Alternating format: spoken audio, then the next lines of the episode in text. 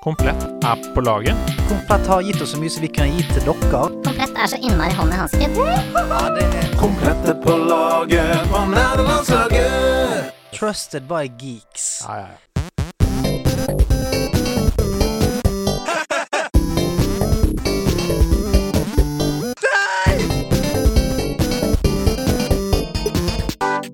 Nerdelandslaget. Den er god! Den er grei. Ta på deg kavaien og kjør på svaien. Stian blippete beatbox. Nei da, det er eh, ikke Stian her. Sebastian Brynestad, supervikar. Og rett overfor meg sitter Andreas Hedemann, rødtoppen med glimt i øyet, og Claptrap, T-skjorte fra Borderlands. Vær så god, Andreas. Fleia! Fleia! er det altså flayer? er- Flayer? Ja. Flayer? Altså det, det, det, um, du hadde jo en veldig sånn maskulin, fin intro her, og det var masse kraft i stemmen og sånn. Og så, og så hadde jeg liksom tenkt meg dra på litt, men så kjente jeg at det gikk ikke an å dra på i det registeret. Så det ble en fle, flayer! Knut Arild Hareide-intro der. Er det Knut Arild som har sendt inn? Nei, det er ikke det. Det er en som heter Ims, uh, og det vet jeg er et kjent eh, familienavn på Vestlandet, så hei til deg, Ims, hvis du er fra Vestlandet, vet ikke. Uh, Slår et slag for catchphrasen Fløya! Det kunne vært der òg. Fløya! Fleia! Eh, som er et internt uttrykk ofte brukt når man møter på Zion Flayers i Destiny 2.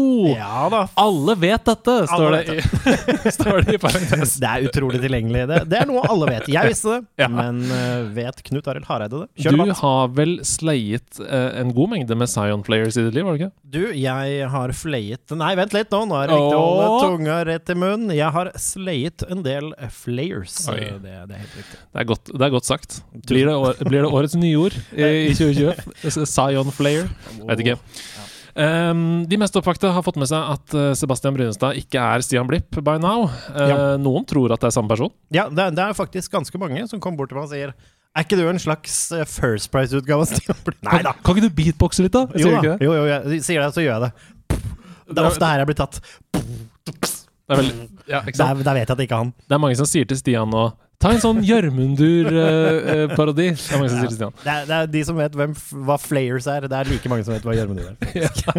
Um, nei, men eh, Stian har en datter som har bursdag i dag! Ja. Gratulerer til Noel! Dette er et problem Som- hvert år, Noel. Er det ikke mulig å få skjøvet på den bursdagen mitt? Ja, men heldigvis så forskyver også ukedagene seg. Så så lenge vi holder på på tirsdager, så er det lenge til neste gang Noel har bursdag på en tirsdag. Men vi følte at han skulle få lov til å prioritere det, og derfor så er Super-Seb her. Og det er jo en ære og en glede for meg. Du, Det er en ære og glede for meg også å få lov til å tråkke inn i nydelige lokaler og kose seg med en, en, en times tid, eller en drøy time og vel så det, med TV-spill! ja. Og det er jo en herlig tid å være gamer! Åh, åh, åh, julaften kom tidlig i år! Ja, ja, ja, ja. Dette skal vi snakke mer om, men aller først så har jeg lyst til å introdusere en gjest som jeg har gleda meg skikkelig til å snakke med. En slags eh, legende på mange måter, Ja. vil jeg si. Har stått for eh, tildelingen av midler eh, til norske spill eh, i NFI helt siden 2004! Og, og dette har jeg lyst til å snakke med henne om. fordi tenk å ha hatt muligheten til å oppleve den norske spillbransjen sin utvikling fra 2004 til 2020. det, må, ja, det må ha ja, vært en enorm Altså, det var jo et monopol. Det var jo bare Funcom. Ja, hun, altså, hun sørger jo rett og slett for at vi kan slaye norske flayers. Oi, oi, oi! Jeg skjønner ikke hva du mener, men det blir spennende å høre hva du mener litt senere. Uh, vi skal ønske henne hjertelig velkommen. Det er Kaja Hensch Dyrli, seksjonsleder og spillansvarlig i Norsk Filminstitutt, bedre kjent som NFI! Takk. Nei, der var det! Har du ikke noe catchphrase? Nei, jeg var ikke forberedt på det. Fikk, fikk du ikke mail? Nei. Ingen av gjestene hittil har hatt noe catchphrase annet enn Vi hadde en gjest som sa 'ei'. Det er kanskje det nærmeste vi har kommet en catchphrase. Vi får se på slutten. Ja. Eh, aller først må vi bare ha deg litt nærmere mikrofonen. Så jeg tenker, Hvis du bare trekker mikrofonen mot fjeset ditt, der er du Der. god. Der er du god. Ja, Ja. flott. Åssen har du det? Jeg har det bra.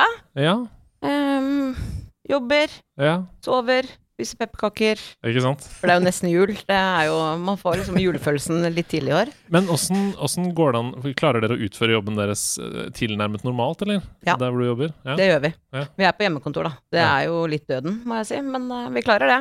ja, Så det er ikke sånn at du, din arbeidsplass er Du er avhengig av å møte opp et sted? Nei, det føles sånn, men eh, jeg er ikke det. Nei. Viser det seg. Men jeg syns det er bedre å være på kontoret. Definitivt. Ja. Men føles det litt som å bo på Norsk Filminstitutt? Skjønner du hva jeg mener? Fordi jeg har vært her så lenge. Ja, nei, altså siden du har det hjemme. Nå har du tatt, nå har du tatt Nå Å tar ja, vi sånn. hjemme til deg Nei. jeg prøver å Eller Det er det jo alltid, egentlig.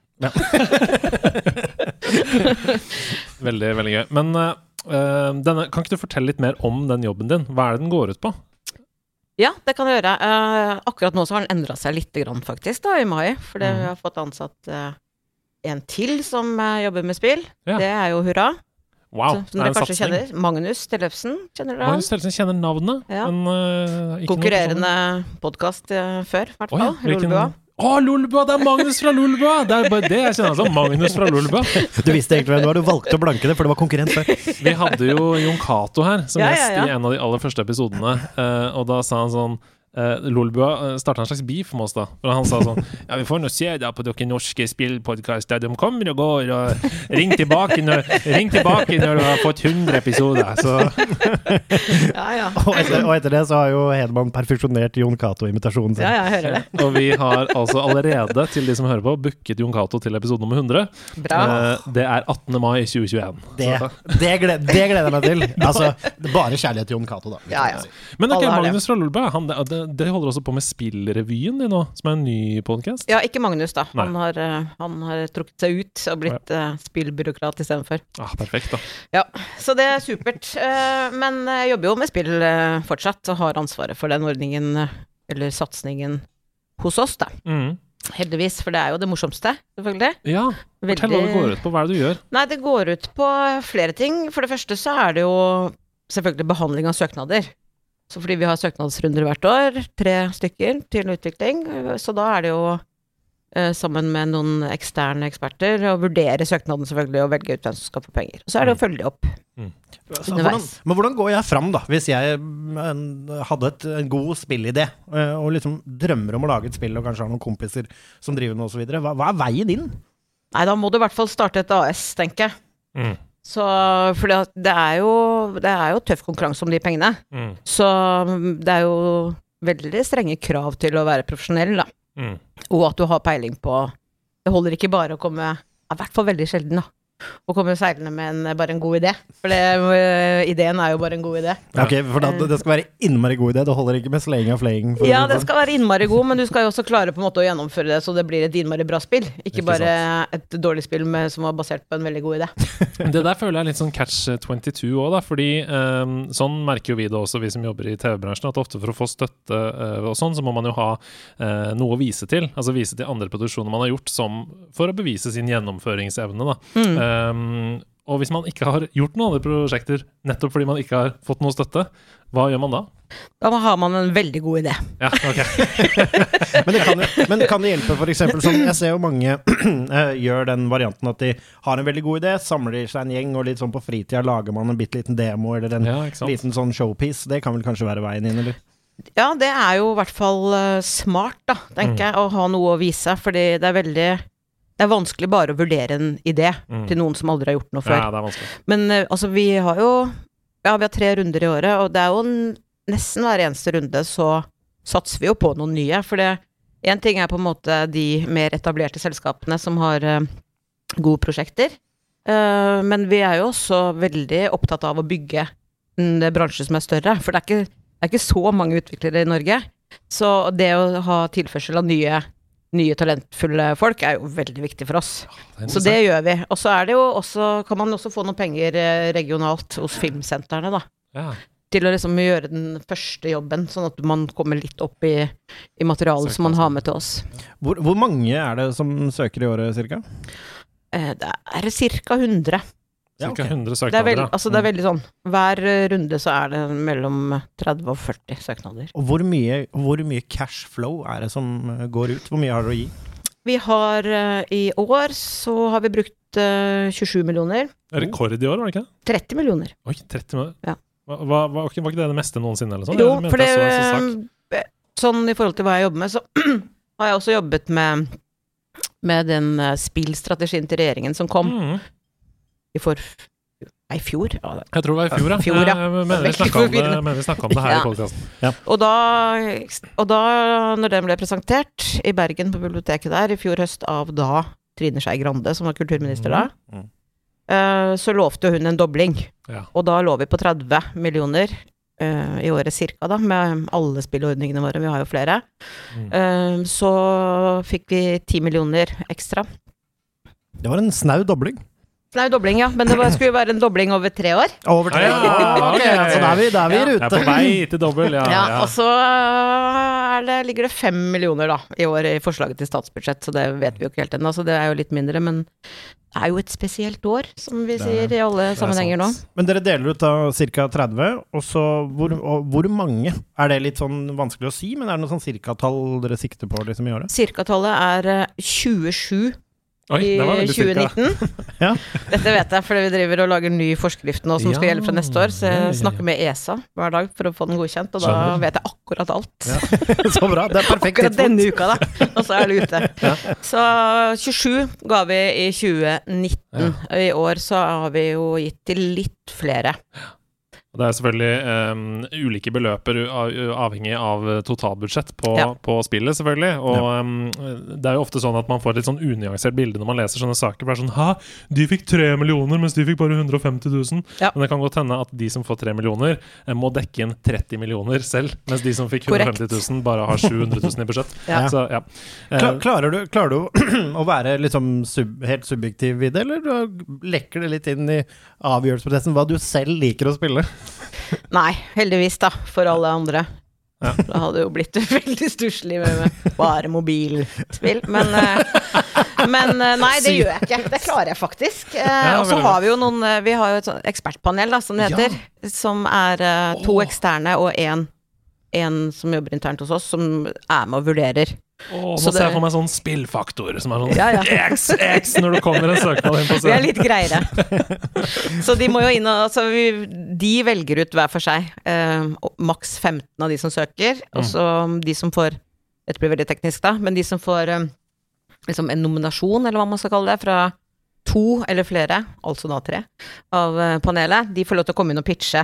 Ja. Og da får de 20 Vi kaller det pitch, men det er jo mer et møte. Vi er jo de aller greieste investorene som ikke er investorer engang. Man får, man får Eh. saft når man kommer. Man får saft Oi. og smågodt. Oi, oi, Og vi har jo veldig ofte eksperter fra Sverige og, og Ja. Danmark som er med, så de Meg kjøper jo med på taxfree, da. Ikke sant? Ja, så det er jo veldig, det er veldig bra. Men, men altså, Andreas, altså, det jeg hører her, er Altså, vi to burde jo egentlig prøve Ja. å piske en spill i det nå, for det jeg hører, er saft smågodt, det er garantert, og så potensielt 30 mill. Ja, det til er- spillet ditt. Det er en slags bonus på toppen av saft og smågodt. det er ikke garantert, da, for det er ikke sikkert du kommer videre til den pitcherunden. Nei, nei, er nei, nei, det er sant, det. Så saft og smågodt må jobbe litt for det òg. Ja, ja. Men jeg må litt tilbake til den pitcherunden, fordi uh, sammenligningen blir jo tydeligere. Har dere også en sånn løs kanon i panelet, sånn som Jan Thomas ofte er i TV-programmer? Eh, Vi har ikke det. Nei, dere har ikke det? Prøver å unngå det, i hvert fall. da Så det er ikke sånn at dere er har én ekspert, og så én som bare skyter fra hofta? Nei, vi har ikke det. Vi har, eh, og så, så bytter vi jo hele tiden, selv om folk kommer tilbake. Ja. Uh, men det er uh, sånn at vi kan ikke ha samme panelet to runder på rad. Oi, det er veldig ryddig. Ja, det er veldig ryddig. For Ja. hvis noen får avslag om, og mener at det er pga. at panelet er imbesile, Mm. så, ja, så er, får de jo en ny sjanse neste runde med et annet panel, da. Veldig bra. Det er som sånn uh, annen sensur på eksamen. Altså, Ja. Hvis du er misfornøyd med karakter, så kan du sende inn til en annen sensor, og så Mm. får du samme karakter. Ja. Men, øh, Og og hvert fall og, Så viste det seg faktisk at uh, det var uh, du selv som har problemet. Ja. Du kan bli sur, sende spillet ditt til en, nytt organ, og i hvert fall få avslag. Takk for at du brukte opp vår tid også. Det. Og da får du ikke smågodt på den det flagginstansen. sant. Nei. Nei, nei, nei. Da er det bare flatbrød. Men øh, jeg tenkte jeg skulle spørre, fordi øh, jeg er jo veldig nysgjerrig på disse prosessene. Jeg er utrolig glad i spill og den norske spillbransjen, øh, og heier på alt som skjer i den, selvfølgelig. Men er det noe sånn, har du lov til å si noen av Du kan anonymisere og alt, selvfølgelig, men noen av de rareste tingene som har kommet inn, som er sånn Dette kan aldri få støtte. Eller bare sånn, er det, no, er det noe som stikker seg ut som du tenker sånn det, det var litt spennende, eller det var vi glade for å støtte. Er det noen historier som stikker seg ut? Kan, kan jeg ikke spørre om. Vi er jo glade for å ha støtta alle de spillene som eh, som klarer å gjennomføre og komme ut. Og så er jeg glad for å støtte andre òg, som Ja. ikke Fordi frem til nå, da, så kan jeg si etterpå noe om den nye forskriften, men frem til nå så har vi bare hatt lov til å gå inn på en måte i tidlige faser. Ja. Så du, hvis spillet ditt koster totalt 10 millioner, da, Mm, så kan ikke vi være med på hele det løpet. Så da må, søker de med en utviklingsfase, som er tre millioner kanskje, da, eller hva som helst, egentlig. Mm. Og vi kan gå inn i altså, de kan få i flere runder. Mm. Um, så hvis, eksempel hvis man er helt ny, da, og vi er litt sånn usikre på om de klarer å gjennomføre, så kan vi Så kan vi gi de noe penger Mm. til å komme Og så sier vi ok, vi tror på dette puzzle-gamet her, men uh, vi tror liksom på settingen, og dere virker flinke og sånn, men vi vil gjerne vite litt mer om hva de puslene skal være. Mm. Ikke sant? Så da, ok, her har dere noe penger til å jobbe med det frem til neste søknadsfrist. Men, men, sånn, men tenker også sånn Hva er det rareste? altså, har det kommet noen inn og altså, Har du fått noe hvor du har tenkt Hva er dette her for noe? Altså Noen skriftlige søknader eller noen eh, Eller et møte, for den saks skyld.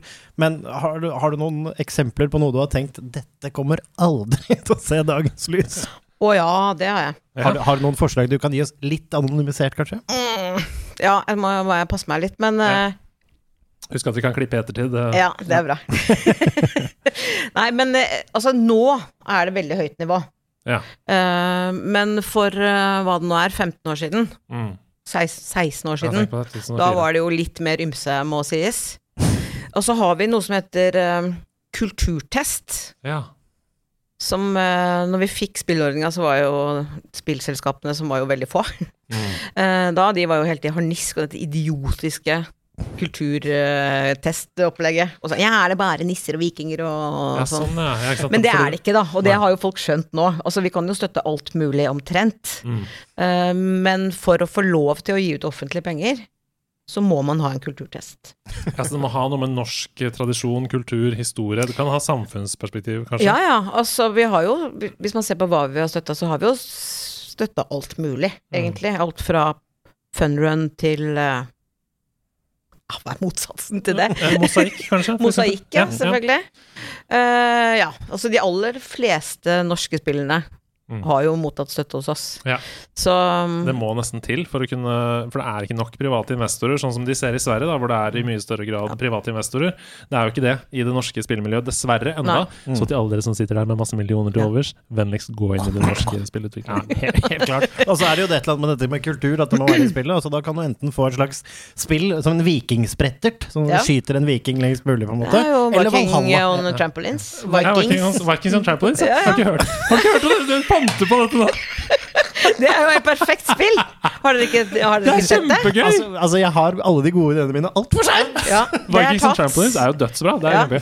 Men jo, det var det jeg skulle, tenkte jeg skulle si, at mosaikk, for eksempel, Mm. det er jo et bilde av en samtid som vi eh, lever i, eh, mener jeg, og et veldig godt sånn kultur... Eh, eller en kommentar, da, et samfunnskommentar, det spillet. Mm. Eh, og kanskje enda mer relevant enn de trodde før pandemien kom. Mm. Eh, nå som dagene er helt fuckings like, alle sammen, så tror jeg kanskje at mosaikk er mer relevant enn noensinne. Da. Og Ja. det, det er et godt eksempel på det Ja. du snakker om nå. At det trenger ikke å være en viking som står på ski ned Holmenkollen. Uh, Nei, det trenger ikke det. Men det kan, være- det kan være det. Ja, det kan være det. Det kan egentlig være nesten alt. Og så sånn som kulturtesten er formulert, nå kommer det en ny, da, fordi vi bruker den samme på film og dramaserier og alt nå, og Mm. spill.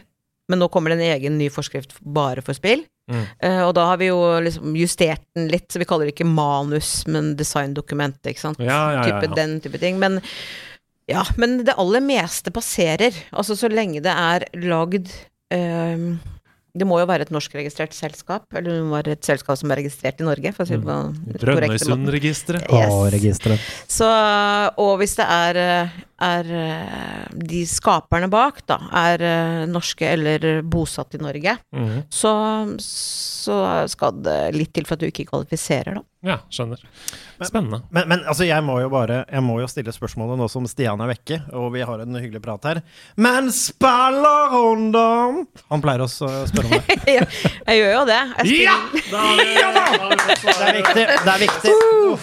Åh, da kan vi slappe av. Oh, Herregud, jeg det begynte å Nei, og spiller jo jo Ja, det kan vi sikkert komme tilbake til. Ja, for du har jo eh, sikkert, som veldig mange andre eh, som vi har hatt her i studio, eh, hatt et mer engasjert forhold til spill som spiller selv tidligere Ja. eh, enn du har nå. Mm. Men kan ikke begynne ved starten. Hvor var, det, hvor var det det begynte for deg og gaming?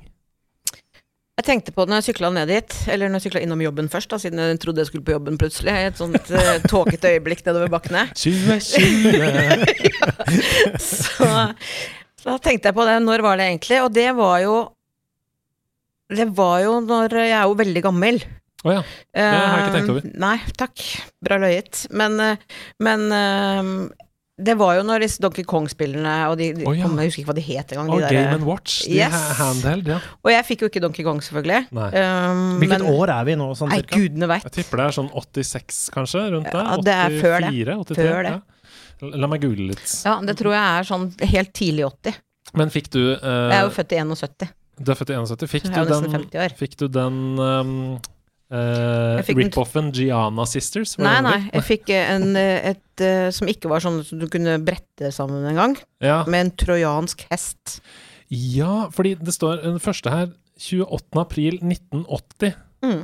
Um, 43,4 millioner solgte enheter. Mm. Mm. Det var, jeg tipper det var omtrent da. Ja. Jeg fikk, så da begynte jeg. Og klarte jo til slutt å grine meg til selvfølgelig en Donkey Kong, da. ja. Så det var vel egentlig da det begynte, og da spilte jeg jo veldig mye på det. ja.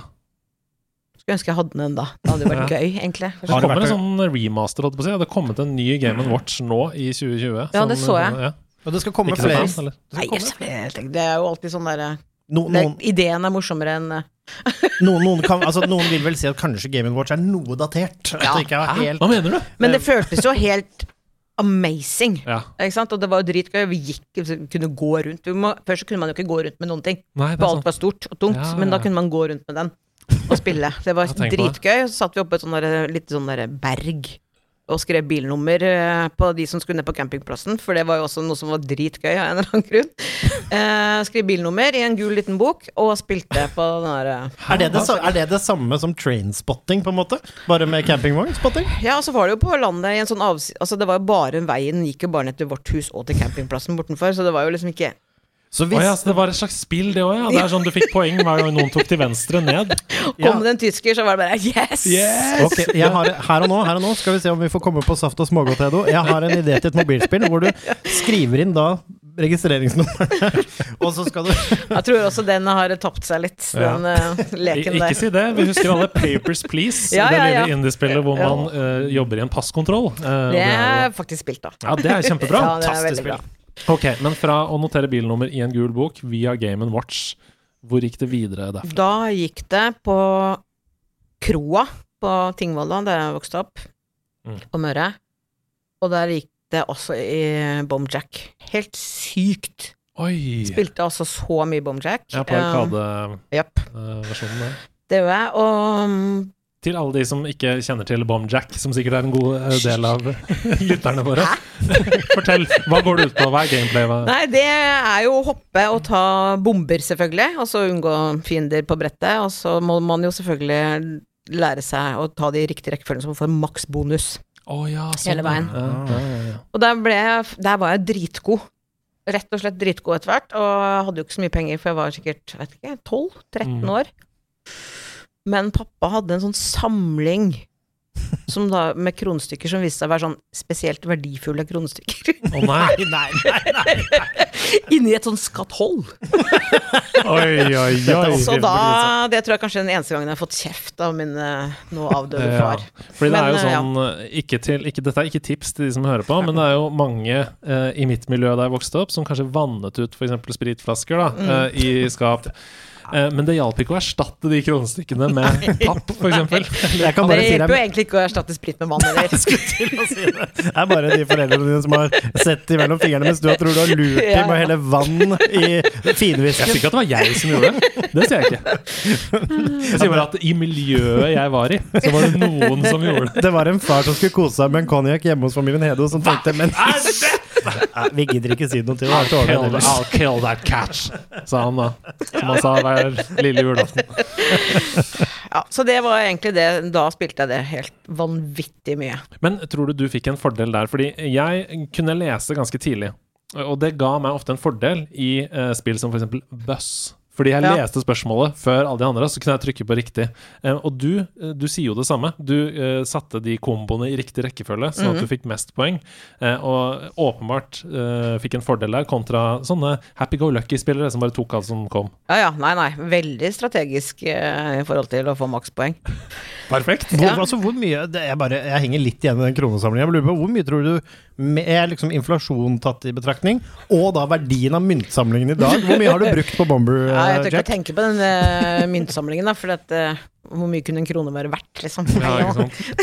Tenk deg at du har spilt et spill til liksom kanskje potensielt noen 20 000 norske kroner på Bomber Jack-maskinen. Mm, omtrent som Candy Crush. Ja. Oi, oi, oi! Ding, ding, ding, ding, ding!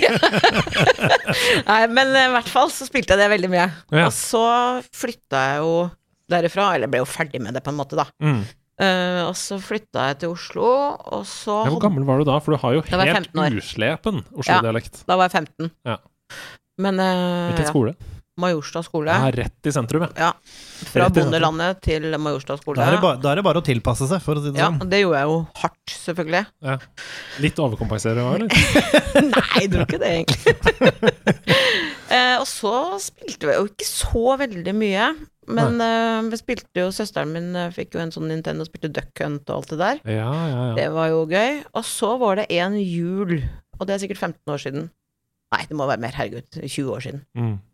Hvor vi fant ut at på, altså, om det var på 1, 2, 3-spill eller et eller annet sånt, så fant vi Bomjack. Oi! Sant, i jula, okay. og satt jo på PC-en til moderen og spilte. Men da, i den versjonen, så hadde de jo øh, gjort om på brettene, Ja. på rekkefølgen. Det var ikke, det var ikke riktig. Og du bare Dette er ikke sånn det- det skal være. Nei, for at det, da hadde jeg spilt det så mye, da, 100 år før, Mm. at jeg kunne alle løypene. Altså, første brettet, det vet jeg, det er opp sånn, bort sånn, løpe bort, opp, ta den rulla, og så opp på toppen, og sånn. For de som ikke ser dette fysisk, det, var, eh, det, ble, det ble malt ut i rommet her med fingre. Eh, Men, men hvis du Altså, hva er den beste julegaven du kan få i år? Eh, er det myntsamlingen tilbake, eller din egen Bomberjack Arcade-maskin? Jaså Ingen av delene, de har jo bom, bomjack på tilt, da. Det oi, oi, oi, det stemmer det. Det har de, ja. Ja, ja, og der er, den, der er det jo den riktige. mm. Så der jeg har vært og spilt der. Du har, Har du noen rekorder, eller? rekorder, eller? Jeg er, litt, jeg er mye treigere nå.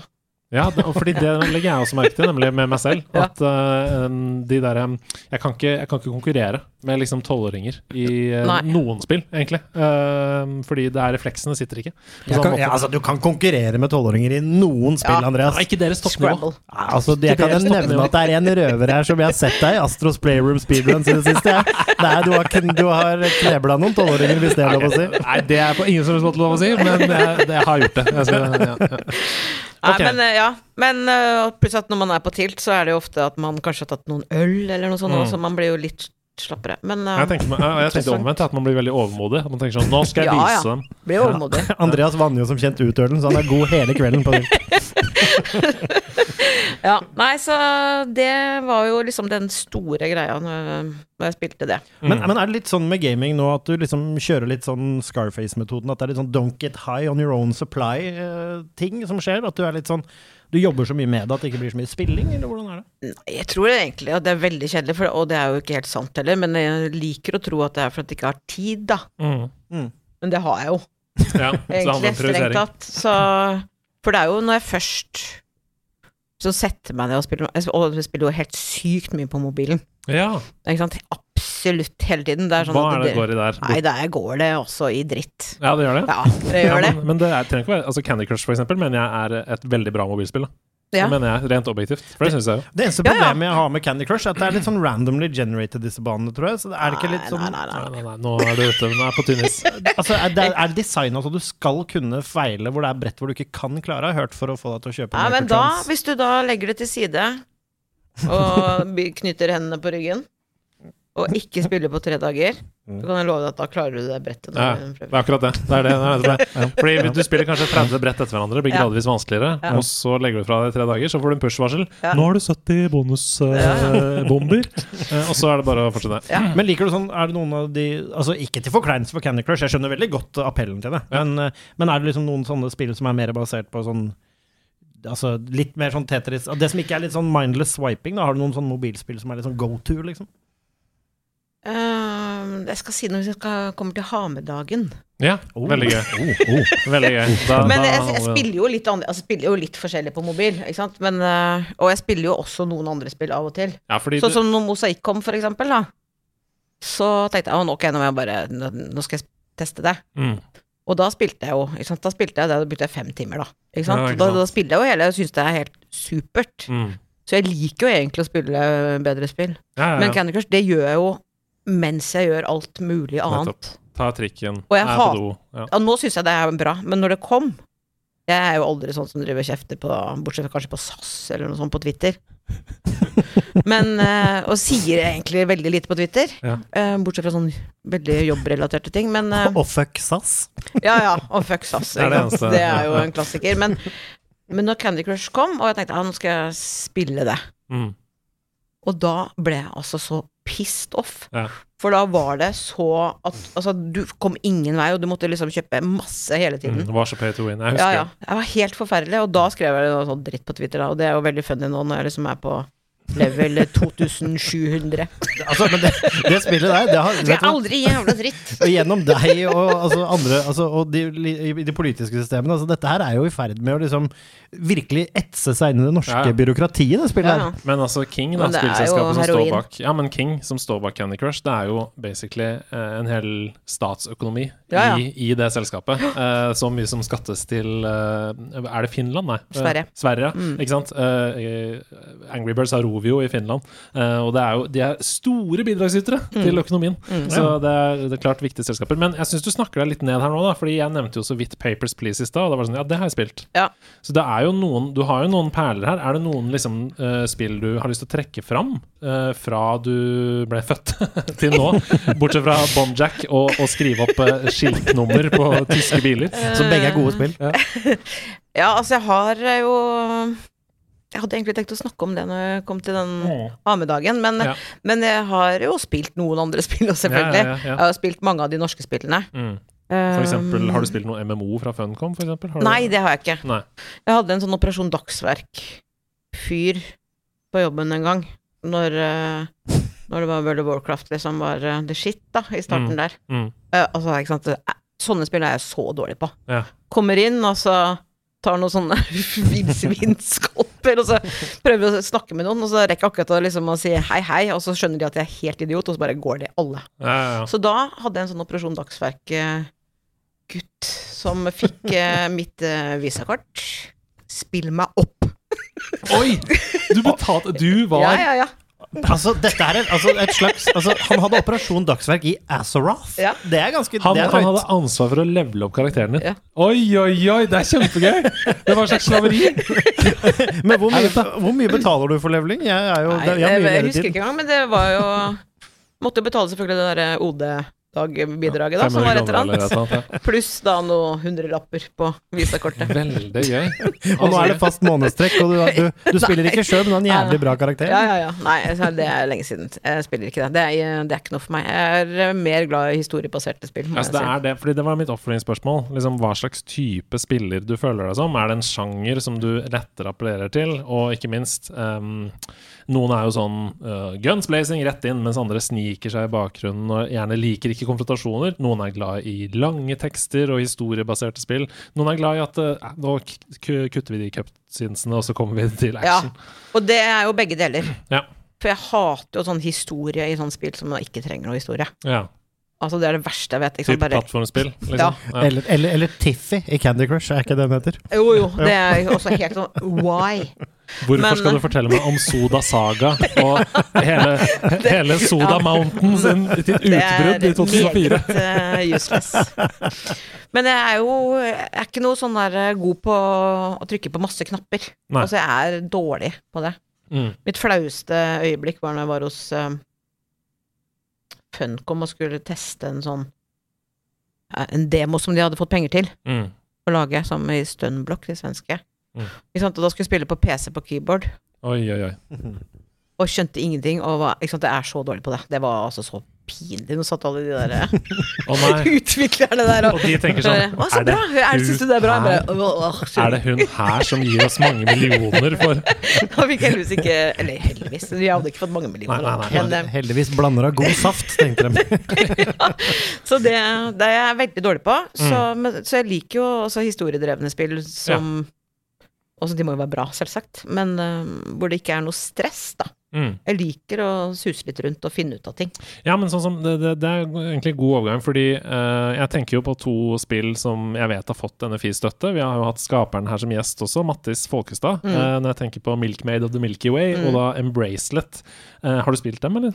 Jeg har ikke spilt Embracelet ennå. Jeg har lasta den ned på switchen min. Ja, for du det skal har jeg en gjøre. Switch, ja? Ja, ja. Ikke sant? Her begynner det å tikle Ja, ja, ut. Vi prøver, å- prøver å skape seg Prøver å si Jeg spiller bare dritt på mobil. Men så har jeg Switch, og så har jeg spilt Papers, Please, det Har lille indie-spillet. Har du PlayStation også? Eller noen av de? PlayStation 5, ja. Ja. Ja, ja, selvfølgelig. Du har PlayStation 5! ja. Vi, altså, vet du? Oi, oi, Vi er oi. tre, vi er tre, Og har. Xbox Series X! altså, vi er tre stykker i et rom med PlayStation 5. Det er første gang det har skjedd. Men eh, jeg står klart på jobben. Ja. Nei, ja. Nei, du må, Nei, du må gjenta det selv. Nei, jeg sa vi er tre stykker i et rom, og alle har PlayStation 5. Det er første gang i verdenshistorien, tror jeg. Jeg tror jeg er også tre fra tre ulike miljøer. Ok, Ja. nei, øh, så du er, øh, du er glad i historie. du har ikke så lang tålmodighet, kanskje? Eller Jo, altså jeg har det, hvis jeg først liksom Blir investert? blir investert i det, ja. Mm. Så har jeg det, men det er ikke s- Men jeg liker egentlig å spille spillet ferdig. Ja. Ja, altså, jeg er ikke så god på å plukke opp igjen. Nei, så du er mer sånn øh, ett spill av gangen. Og så når du er ferdig med det, så begynner du på et nytt, kanskje? Ja. ja ikke sant. Ja, men det er veldig Det syns jeg er veldig bra. Og spesielt øh, ha det i bakhodet, da, folkens, nå som det har kommet nye konsoller og sånn. Jeg har røket på den øh, tabben før, nemlig spesielt da Wii U kom. Så kjøpte jeg fem spill til lansering. Jeg kjøpte Windwaker, jeg kjøpte Su uh, Super Mario 3D World, jeg kjøpte liksom alle. Bajonetta, alle. Og så eh, sitter man der og spiller det spillet, og så greier man ikke å slå seg til ro med det, fordi du ser at det står fire Ja. andre uåpna spill ved siden av. Mm. Og så tenker du sånn jeg begynner litt på det neste, og så litt Mm. på det neste. Og så plutselig så sitter du bare med fire-fem halvferdige spill, og så har du ikke lyst til å spille noen av dem. Og det er veldig dumt. Så ta deg tid til å spille ferdig ett. De andre går For det første så går ikke de noen vei, og for det andre så blir de bare billigere. Ja, er enig. Men, men altså, det er jo litt, Det er litt som bok, liksom. Ja, for det er litt hoarderen i meg. da Jeg husker det når Wii U-en kom, eller når det kommer nye maskiner. Nå er det jo også digitalt, så nå er det litt lettere, for nå ligger de i storen der. Mm. Men nå, før, når man liksom dro i, på platekompani, eller hvor enn man skulle kjøpe Mm. seg en Og du har spart opp penger, ikke sant? ja. Så du har pengene der. Ja, og da er det sånn hoarderen i meg vil ha de De skal stå i hylla ved siden av! Ja, det kjenner jeg litt igjen, faktisk. da Men uh, uh, jeg er jo glad i ekstrautstyr. Liksom. Ah, ja. Oi. Du har, du, du har en ring fit hjemme til Ja, ja, til har, altså, det har jeg ikke, faktisk. Men det prøvde jeg å kjøpe til hva det var i vår, eller når det var. Ja, da ja. Når det var koronatid. Ja, det er jo veldig god grunn til å liksom trene. Mm. Som, men da var det helt umulig å få tak i. Så det kanskje det blir en julepresang til Det er kjempegøy. Jeg Ja. har brukt det masse. Jeg syns det er veldig gøy. Eh, Men nå ikke er det sant, jeg har jo de der men, Jeg har jo selvfølgelig alle vi og alt sånn kjøpt underveis.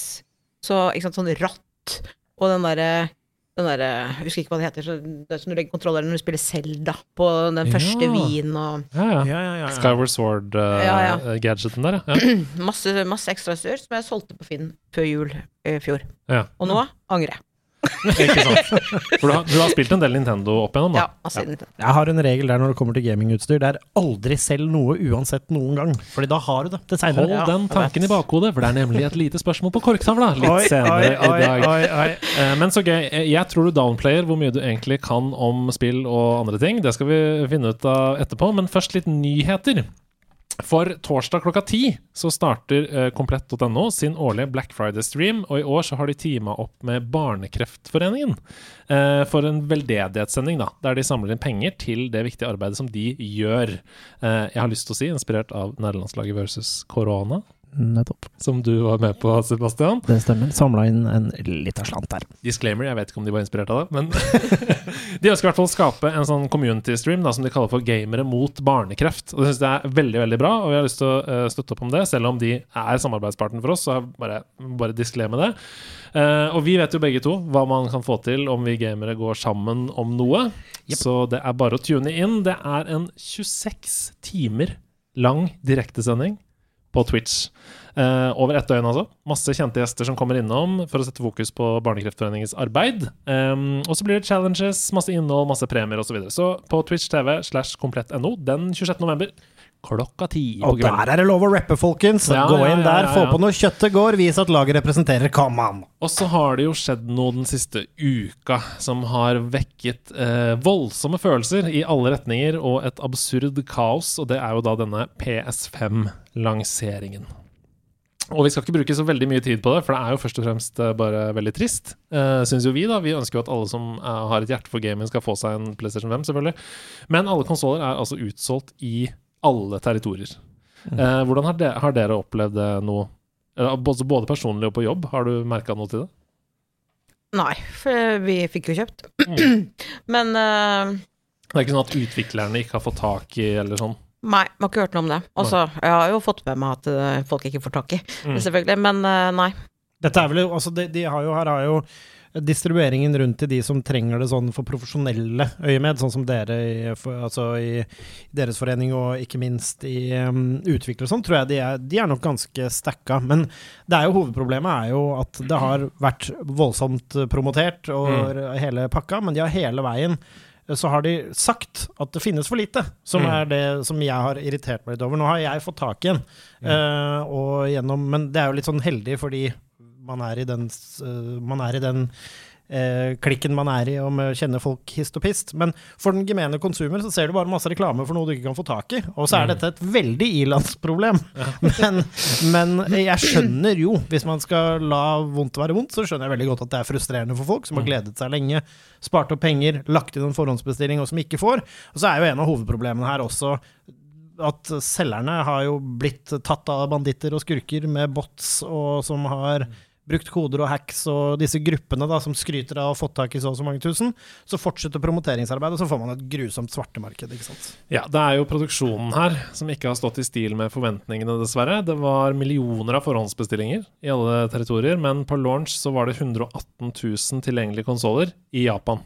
Og Japan er det største markedet for PlayStation 5. Det er Sonys hjemland også, og de selger alltid en haug i Japan på launch day, og det var jo utsolgt altså 118 000. Det er nesten ingenting. Det var millioner, som sagt, av forhåndsbestillinger.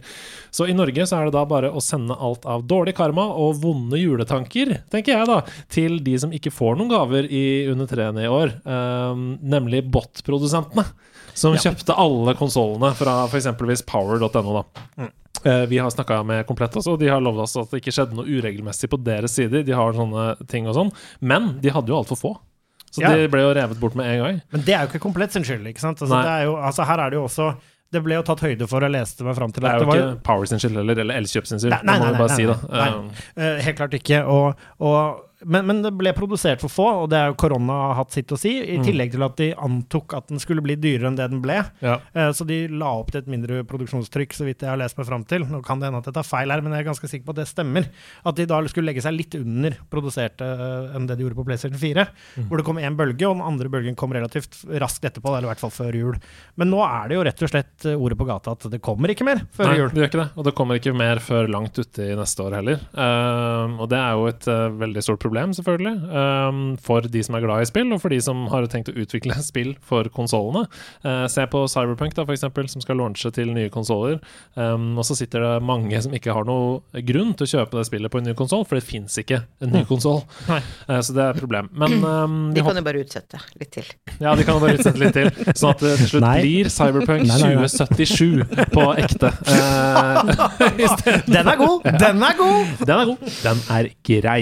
Nei, men eh, det verste med alt dette er jo, eh, som du sa, disse mm, grupperingene. Jeg leste den største internasjonale grupperingen som fikk tak i 3500 konsoller eh, fra Worldwide, og som sier, via en anonym kilde, at de allerede har tjent 1 million pund på videresalg. Det er deilig.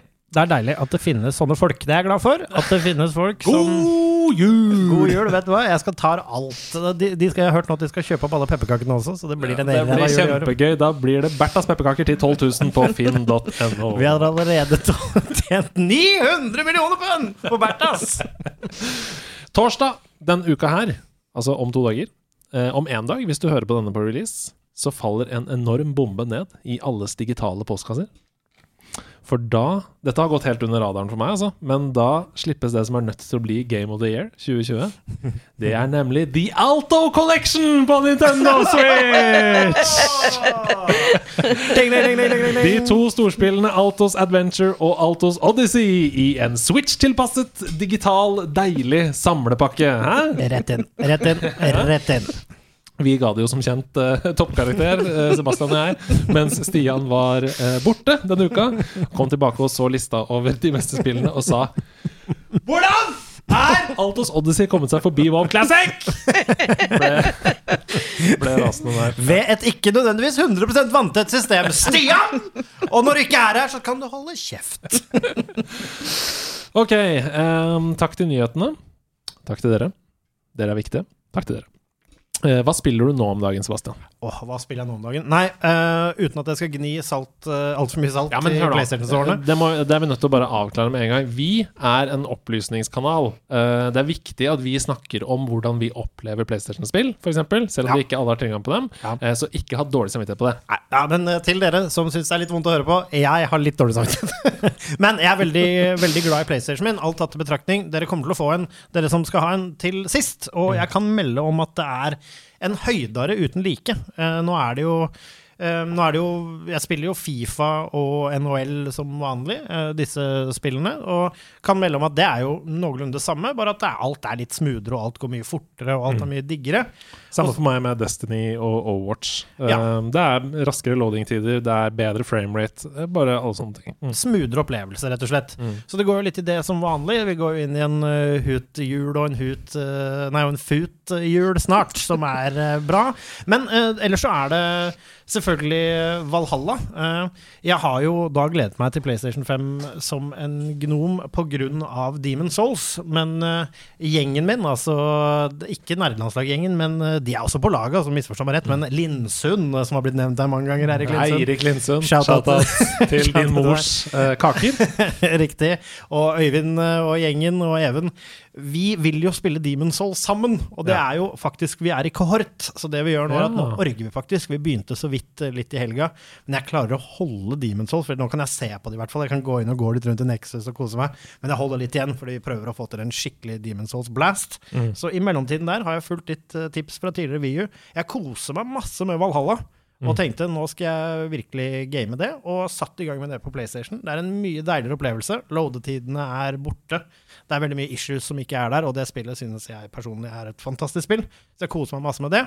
Og så har jeg selvfølgelig platta Astros Playroom. Og det vet jeg du spiller om dagen, eh, Hedo. Der kan du begynne. Ja, skal, skal, vi, skal det bli overgang til meg, eller skal vi gå via Kaja? For jeg har litt Ja, lyst til å gå via. Kaja. Hva, hva er det du Du har snakket litt om mobilspill og sånn. Er det der du er nå om dagen, eller? Hvis du spiller noe? Har du Ja, fått testa de nye konsollene? Nei da, de står på jobben. Vi har eh, holdt litt i håndkontrolleren på PlayStation. Som er jo veldig stygg.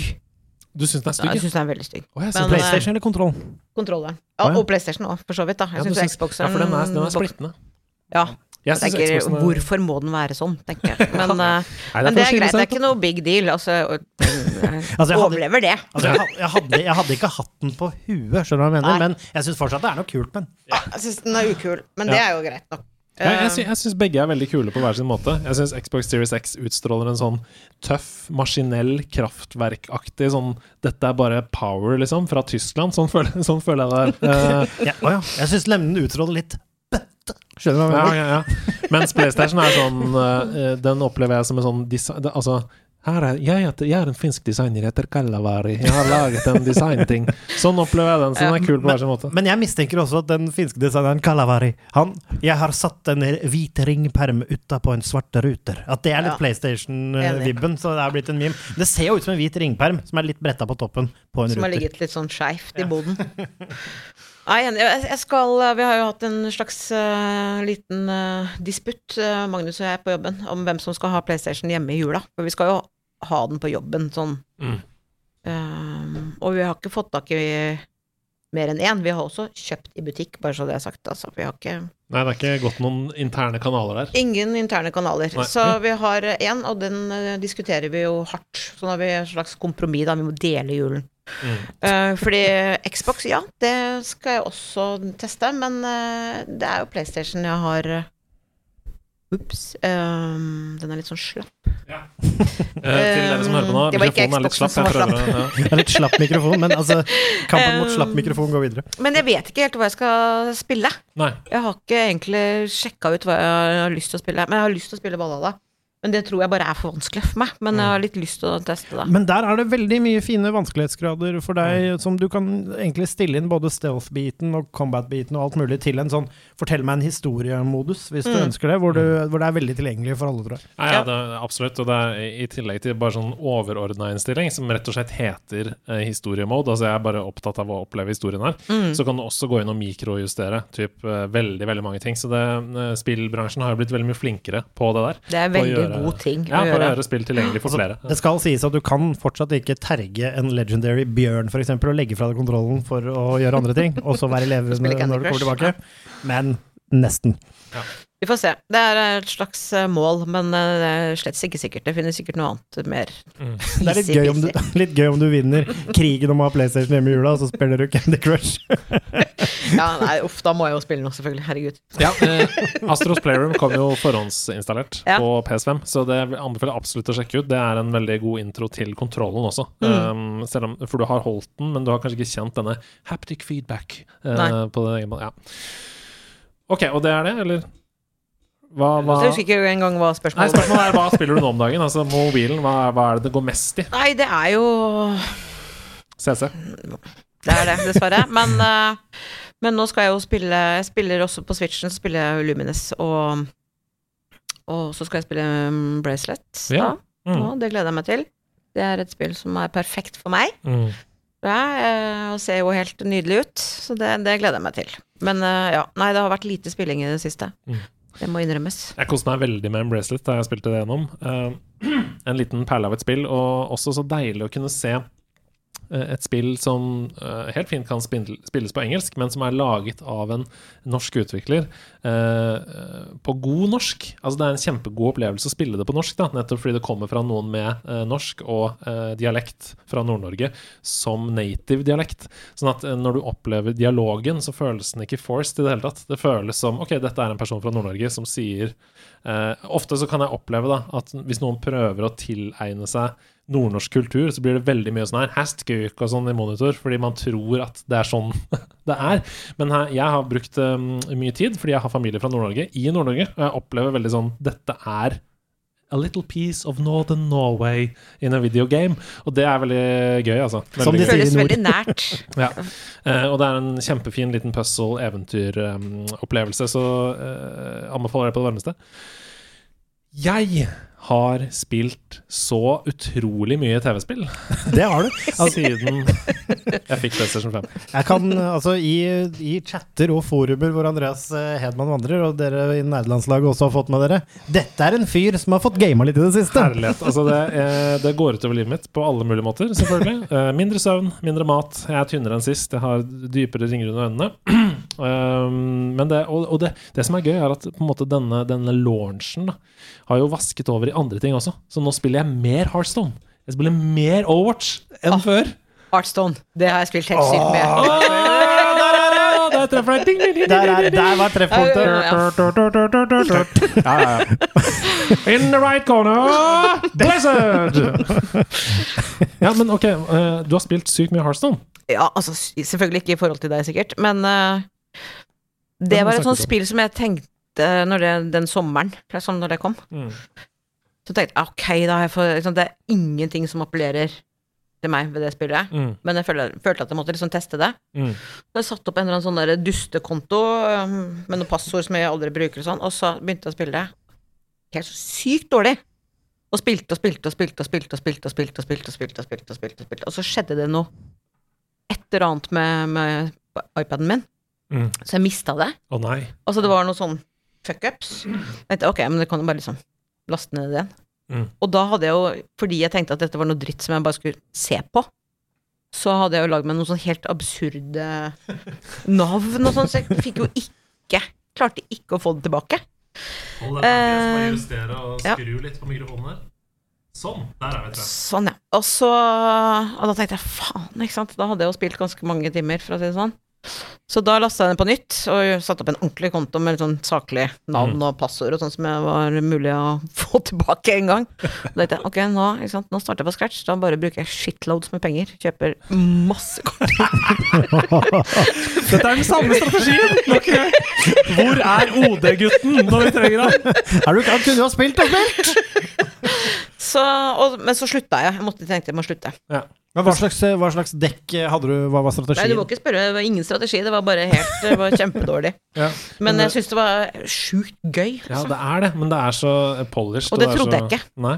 Jeg trodde jeg skulle hate det. Jeg hadde ikke noe erfaring med kortspill i det hele tatt. Jeg hadde ikke spilt noe Magic the Gathering eller noen sånne CCG-er, som det heter, uh, før jeg spilte Hearthstone, og jeg er jo dypt i det, selvfølgelig. Ja, det er jo, men det er jo helt fantastisk. Altså, det, som er, um, det jeg liker med Heartstone, er hvor balansert de klarer å holde det. Mm. Uh, at det liksom, De klarer nesten alltid å sørge for at det er flere metaer til enhver tid som du kan bygge på, da, som jeg liker veldig godt. Og det som er fint nå som har skjedd, er jo at man trenger jo ikke å spille ranked eller casual med kortstokker som du har kjøpt pakker. Nå kan du spille mange moduser som ikke, trenger, som ikke gjør at du trenger å ha din egen kortstokk. Altså f.eks. Battlegrounds, du får tildelt alt du trenger. Uh, Dungeon Run, som nå heter Duels, det du får tildelt alt du trenger. Um, uh, eh, sånn Ikke frist. Tavern Brawl, du får tildelt alt du trenger.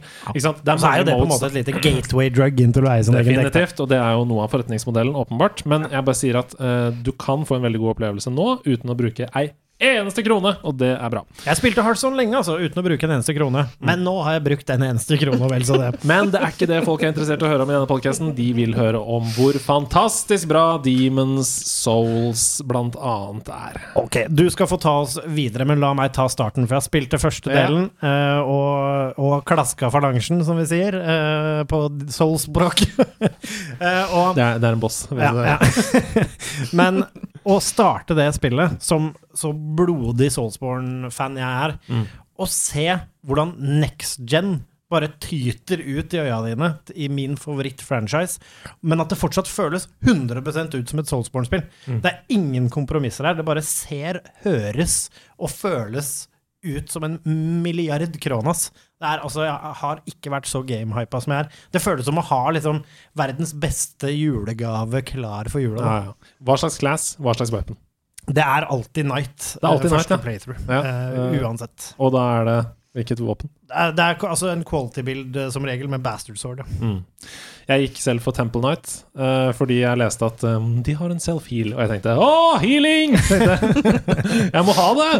Um, og uh, Bastard Sword her også, uh, som selvfølgelig skal opp. Jeg fikk quality build spreadsheet av deg, som jeg følger nå slavisk. Det er veldig bra. veldig bra. Eh, Jeg driver og åpner WhatsApp-gruppa vår og bare nå, blar tilbake til bildet hele tiden. Istedenfor å bare lagre det lokalt. Hvorfor gjør jeg ikke det? Og så er det bare å huske Du må huske å gi deg på 120 meteren, da, så du kan spille PVP med meg seinere. Jeg skal prøve. Uh, men bytter nå, for jeg har funnet det der Crescent uh, Falcon-våpenet, som er mye kjappere enn Bastard Sword. Mm. Så, og nå, akkurat nå er de på samme damage. Det er litt sånn Hvilket skal jeg ta? Det er viktig, og der kan du jo gå inn i wikien også og se litt, for jeg husker ikke i huet helt hva som scaler med hva. Mm. Men det er veldig viktig. Det er ikke så viktig i starten, men når det drar seg til på slutten, og i New Ja. Game Plus og litt sånn forskjellig, så er det viktig med eh, hva det scaler med. Så følg med på det. Men det er en kjempegod opplevelse. eh, utrolig pent. eh, virkelig føles next gen. Um, og så er det Jeg har aldri spilt Demon's Souls. Aldri. Uh, men jeg er jo Kan du si at jeg har spilt over gjennomsnittlig mye dataspill. Så, uh, men jeg vil si da til de som er redde for at det er for vanskelig, uh, og liksom Å, nei, Soul-spill, det er altfor vanskelig. Altså, jeg har nå kommet meg De tre første bossene tok jeg på første forsøk. Uh, jeg sier ikke at det gjør meg til en genial Souls-spiller som er sendt fra himmelen, men jeg har ikke spilt noen av de spillene før, så med litt trening og å analysere hvordan eh, de beveger seg, og kanskje se litt på YouTube, da, hvis du har lyst, før du Ja. går inn til en boss. Eh, det mener jeg er fullstendig lov. Så bør du kunne klare det, du også. Det er så tilfredsstillende når du klarer en boss. Herregud. Og så og er spillet også veldig lagt opp eh, altså, Når det kom, så var dette sånn nytt, da. En sånn stor eh, release. At det skulle være så vanskelig. Så man det har fått et rykte på seg å være fryktelig, fryktelig vanskelig. Ja, det er til tider veldig vanskelig, men ryktet Altså, det er litt sånn gått litt sånn sporten i communityet også. Å liksom bygge opp hvor vanskelig det er, og get good Mm. og hele den pakka der. Men så lenge du spiller det med liksom du må, Her må du bare respektere hver eneste fiende, for hver eneste fiende kan drepe deg. Mm. Bruk litt backtracking. Tål å dø, tør å satse, og ha det gøy med det at du skal gå på trynet, Det liksom. er meningen. Du skal gjerne dø en ti-tolv ganger, eh, og det er meningen. Så ikke, ikke bli frustrert. Jeg skjønner at uh, man har en slags holdning som er sånn Å, det er et stort nederlag å dø. Det er det ikke i disse spillene. Det er meningen. Du, ja, ok, du går rundt et hjørne og du får en stein i huet som du ikke så komme. Det er meningen. Neste gang så vet du at den steinen kommer. Og i verste fall, grind litt. Du kan grinde opp Ja souls da. Ja, da, ja, da. Uh, du snakket jo litt om det tidligere, vanskelighetsgrad i spill. Det er jo dette en sånn typisk spill som gatekeeper deg vekk da, fra å spille det. Hva Mm. Ja, det tenker jeg at det er veldig synd, da. Mm. Um, vi jobber eh, vi, vi ser på det og sett noen Eller vi, det gjør vi ikke. Vi vurderer hos oss nå å innføre universell utforming. Ja. Og så noen krav til det, og hva, hva skal det være? Mm. Ikke sant? Jeg tenker at det Altså, det kan jo være mange ting, da. Um, men for eksempel det med vanskelighetsgrad Jeg tenker at du går jo glipp av ekstremt mange spillere, da. Mm. Uh, det- jeg, jeg, jeg skjønner ikke hvorfor folk er så veldig negative til at man kan også ha en, en mode i spillene som gjør det tilgjengelig for eh, sånn som meg, da. Mm. Det er ikke sikkert at jeg har spilt det likevel, men det er jo mange andre som også føler på en måte den derre bøygen, da. Mm. For å komme i gang. Altså, jeg tror, men jeg tror det er litt sånn, også, sånn For å dra en sammenligning der, da. At det er litt sånn noen hvis ikke, Selv om noen ikke liker sennep, så er det noen som må smake sennep. Hvis du skjønner hva jeg mener. Fordi jeg får noe ekstra ut av at dette er den eneste måten jeg kan gjøre dette spillet på. Ja, du må bare trene, liksom. Men, men um, for, å, for å liksom Ja. Jeg er utrolig fan av å kunne sette ned vanskelighetsgraden på ting, fordi jeg mener at det skal være tilgjengelig for flest mulig. Problemet med Souls-spillene er at jeg tror at det hadde vært et veldig dårlig spill hvis det hadde Det hadde Hvis det. Ja, satt og det, er det er ikke sikkert at det er perfekt å gjøre det med alle spill, Nei, nei ikke sant? Og jeg er jo en jukser, som dere har skjønt, eh, Mm. så, så Men du kan jo, da Du- kan du jo spille det på PC når du tar turen dit, og bruke liksom cheats. Ja, eller så kan du ringe Sebastian Brunestad da, be han spille deg gjennom noen Jeg kan ha Operasjon Dagsverk hos deg! Ja! Arbeidsuke? Ja, lett! lett. Saft, smågodt og Demon Souls. Jeg stiller. Det er jo en drøm, da. Eh, ok, så nok om Demon's Souls. Jeg har også spilt ti timer cirka med Assassin's Creed Valhalla. Det er et kjempe, kjempefint spill. Kan ikke se for meg at jeg spiller gjennom. Å, jeg har klokker. Altså, de første ti, da koste jeg meg. Eh, De neste ti, da ble jeg hooka, og nå er jeg ca. litt over 30 timer inn. Mm. Og jeg må si, jeg er litt enig med deg. Første ti så koste jeg meg stort. Ja, for jeg syns det er kjempebra. Ja, men det var litt sånn Dette er Assassin's Creed. Men så var det et eller annet som beit meg. Det var, Ja. Og det skjer noe, skjønner du. eh, uten at jeg skal spoile det. Det skjer noe i dette spillet som for meg ble veldig sånn Ok, nå, nå snakker vi butikk. Og det vil jeg anbefale. Å spille til, spille til det punktet du skjønner med en Ja, for, ja ok, for jeg har, jeg har altså mm, eh, Altså, dette er spoila i alle anmeldelser, så jeg har kommet til England. Uh, hvis det er det du viser til? Det er ikke det du viser til? Ok. Nei. Nei, eh, og jeg har levela opp masse og tatt masse raids og holdt på historien og sånn. Men når jeg hører på Level Up, for eksempel, da, og Carl snakker om det, og sier sånn Nå har jeg klokka 80 timer, jeg er ikke ferdig. Nei, Altså, jeg er ikke ferdig med Main Quest i historien. men det kan du jo men det kan du være. Ikke sant? Det, det er et valg. Fordi her, jeg er også så langt inn og har kommet så så langt i story-moden.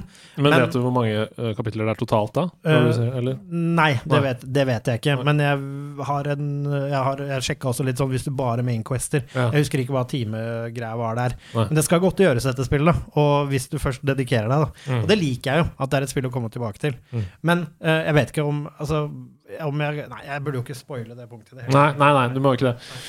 Nei, jeg bare, akkurat nå så er jeg litt ambivalent, fordi jeg har Skyrim-følelsen. Jeg, jeg kjenner at jeg kan falle ned i brønnen her, og bare 'dette er my game', liksom, nå. Men jeg kjenner også at um, med den tiden jeg har tilgjengelig, da, eh, og hvis jeg tar 60 timer å komme gjennom, så betyr det at det er tre timer om dagen, 20 dager. Og det er mye. Det er mye å investere i en fritidsaktivitet. Da. Um, ja, så jeg må, se, jeg må analysere litt hva jeg skal gjøre der. Jeg har også, Vi skal komme oss videre i denne podkasten, men jeg må bare ta med at jeg, jeg er Jeg er nummer 130 i verden i Astros Playroom. Ja, vi gir en applaus! Det er en liten applaus. I speedrunninga. Det er noen 130 i verden i speedrunning! Det er over 150 000 som er med, og jeg er, ett, jeg er nummer 130. Jeg er rett under topp 100. Hvis dere, har lyst til å, hvis dere har lyst til å få med dere hvor sjuk jeg har blitt på apeklatring i det spillet, så er det bare å gå inn på Twitter og se på nederlandslaget sin eh, konto. Fordi der, Jeg måtte lukke gardinen til der jeg spiller, fordi jeg sto oppreist i rommet og gjorde sånn her. Det så helt, det så helt eh, ikke bra ut. en av mine beste øyeblikk på PlayStation 5 så langt, som var helt utrolig bra øyeblikk. Det er Jeg våkner en morgen Dagen før så spilte jeg Astros Playroom og skulle pla Platina-trofeet. Hadde fått det. Så tenkte jeg jeg må teste speedrunning også. Så tester jeg en bane bare og løper gjennom den. Tenker ja, dette er en fet mode. Og så går jeg og legger meg. Dagen etter, jobbe litt, og så til lunsj, så skrur jeg på PlayStation min for å eh, titte litt. Og det første som kommer opp, er et pling hvor det står Andreas Hedemann har liksom klaska deg i trynet på første løpebane i Astros Playroom. Så trykker jeg på PlayStation-knappen. I løpet av noen få strakser så er jeg plutselig klar på startstreken. Tre, to, en. Og så løper jeg der, og så tar jeg noen forsøk, og så får jeg liksom tyna ned av noen sekunder fra hans rekord. Og så tenker jeg sånn fett, og så sender jeg han et bilde av Så det en for gøy. screenshot. Your move. Så det det var. Sender jeg Andreas your move, og så får han opp, og så går det Altså skriver Andreas et eller annet. Ja, det, det Gi meg ti min, skrev jeg. Ja, gi, meg ti min, og så gikk det vel seks min, eller noe sånt. Og så plutselig så plinga det i hjørnet mitt igjen. Og da var det såpass heftig rekord der at jeg tenkte at det får bli, en, det får bli seinere. Men du har blitt uh, skittent god i det. Ja, det er helt utrolig. Jeg har en totaltid som er under fem minutter, altså på åtte baner. Så hvis dere har lyst til å utfordre det, så uh, Inne på nederlandslaget sin Discord så har vi satt i gang nå, med de som har PlayStation 5, en slags race. Eh, jeg, jeg liker å tro at det er kun 129 japanske um, veldig, veldig dyktige spillere foran meg. Men det kan hende at det er noen andre også. Vet du hva, jeg utlover herved til nerdelandslaget en dusør Oi, på oi. en pose sure eller salte sild. Eh, Du kan, det er valgfritt for den som jekker ned Andreas Edman i Astros Playroom. Oi, det er så god stemning at det kun er én ting å gjøre! Ha med, ha med dag. Hey, hey. Ha med, ha med dag. Ha med ting etter ditt behag, for det er ha med dag. Vi har med oss en Kaja i studio her. Hun er fra NFI og liker vaniljepudding til dessert. Har du med er smågodt og saft? Har hun med seg smågodt og saft? Har hun med seg smågodt og saft? Har han med seg smågodt og saft? Det ligger en liten pose på bordet. Er det smågodt og saft? Jeg vet ikke hva det er, men jeg tror ikke den heter Tore. Er det smågodt og saft? Jeg tror ikke det er smågodt. Men Jeg er det saft? det saft? Jeg tror det er en konsol. For det er havet dag av dag. Så pleier Stian å ha sånn alarmlyd sånn Jeg fikk jo vite. Fattigmanns blipp her. Ja, veldig bra. Velkommen til Hammedag. Takk. Hva har du valgt å ta med deg til oss? Jeg har med min PSP. Der er og i, den or, I det originale etuiet! Futterale. Uten strøm, da, visste jeg når jeg skulle gå i dag. Så jeg har ikke Den mer er så spille. Du må ta den fram. Du må trekke den av. Klassisk PSP. og For nå ikke har jeg spilt Astros Playroom gjennom, og der er det sånn at man finner eh, gamle collectibles, altså gamle PlayStation-konsoller. Man finner eh, alt det tullete tilbehøret som har kommet til PlayStation opp igjennom. iToy, blant annet. Eh, og der er det jo en PSP som kommer over skjermen. Du kan zoome inn på den og se på baksiden og sånn. Um, og det er så gøy, fordi da kom jeg på at den hadde jo sånne UMD-disker. Yes. Uh, og det kan du bare vise hvordan man åpner den, for det er sånn Ja, Jeg har ikke på meg briller, så det kan du dessverre ikke. Den er på toppen. Hvis du drar den til sida av den på toppen Så her Noen må Ja, gjøre det. Det er korona på den, sikkert, ja, men det er sikkert. har, har jeg en UMD inn, det er spørsmålet. Det har jeg! Det er en UMD! Og du kan Det er veldig du kan spennende hva er det som er inni? Det visste jeg ikke, faktisk. da Oi, hva er det? Hva er Det er selvfølgelig Loco Roco. Loco Roco! Kanskje det beste spillet? Ja, det er et av de aller beste det spillene. er det. Fortell om historien til denne maskinen. Ok, det skal jeg gjøre. Jeg skal bare ta bilde av den, for det er så nydelig. Ja. Ja, Fortell du mens jeg uh, den kjøpte jeg nemlig når eh, jeg hadde jobba i NFI et år, eller litt mer, da. Nei, et år. Jeg måtte sjekke litt dato, for jeg husker jo veldig lite. Um, den kjøpte jeg var på min første spillkonferanse. Mhm. Livredd, kjente ingen, kjente ingen i det hele tatt. Og var på måtte google det i dag for å finne ut hva slags konferanse det egentlig var, men det var GDC Europe, fant jeg ut. Game Developers Conference. Oi, Ja. flott. Og det var på Piccadilly omtrent i London. Eh, og da, mens jeg var der, så slapp de PSP-en i UK. Eller Europa sikkert, da, samtidig. Så da uh, gikk jeg på, hva heter det, His Masters Voice-butikken. HMV. Åh, Ja. det var så drøm for meg å kunne gå dit da jeg var liten. Så Og da sto jeg i kø, eh, selvfølgelig, for eh, de begynte å selge ved midnatt. Dette var helt genialt å få kjøpt den da, selvfølgelig første, første sekund når den ble sluppet. Um, og kjøpte med noen spill som jeg ikke husker. Kanskje Loco Roco, men det Ja, tror jeg kom sant, senere. Men uh, det var selvfølgelig dust å kjøpe i London, for da må du ha den kladeisen av en adapter. Ja, å, sånn har jeg også ryket på når jeg kjøpte en Apple TV i gave til, i USA. Nei, nei, nei. Nei, nei, nei. Men det var liksom Jeg tenkte at jeg tar med den, fordi Loco Roco Det er kanskje bort, Hvis man ser bort fra den sånn trojanske hesten og Bomjack, så er det det spillet jeg har spilt Mm. mest, tror jeg. Og se bort fra Candy Crush. Fortell om Um, hva det er. Fortell hva du gjør. Det er eh, altså et uh, veldig merkelig spill, med noen sånne veldig søte små ballonger eller frukt eller et eller annet uh, veldig Ja, det er helt umulig å vite hva det er. Med veldig sånn gøy eh, lydbilde.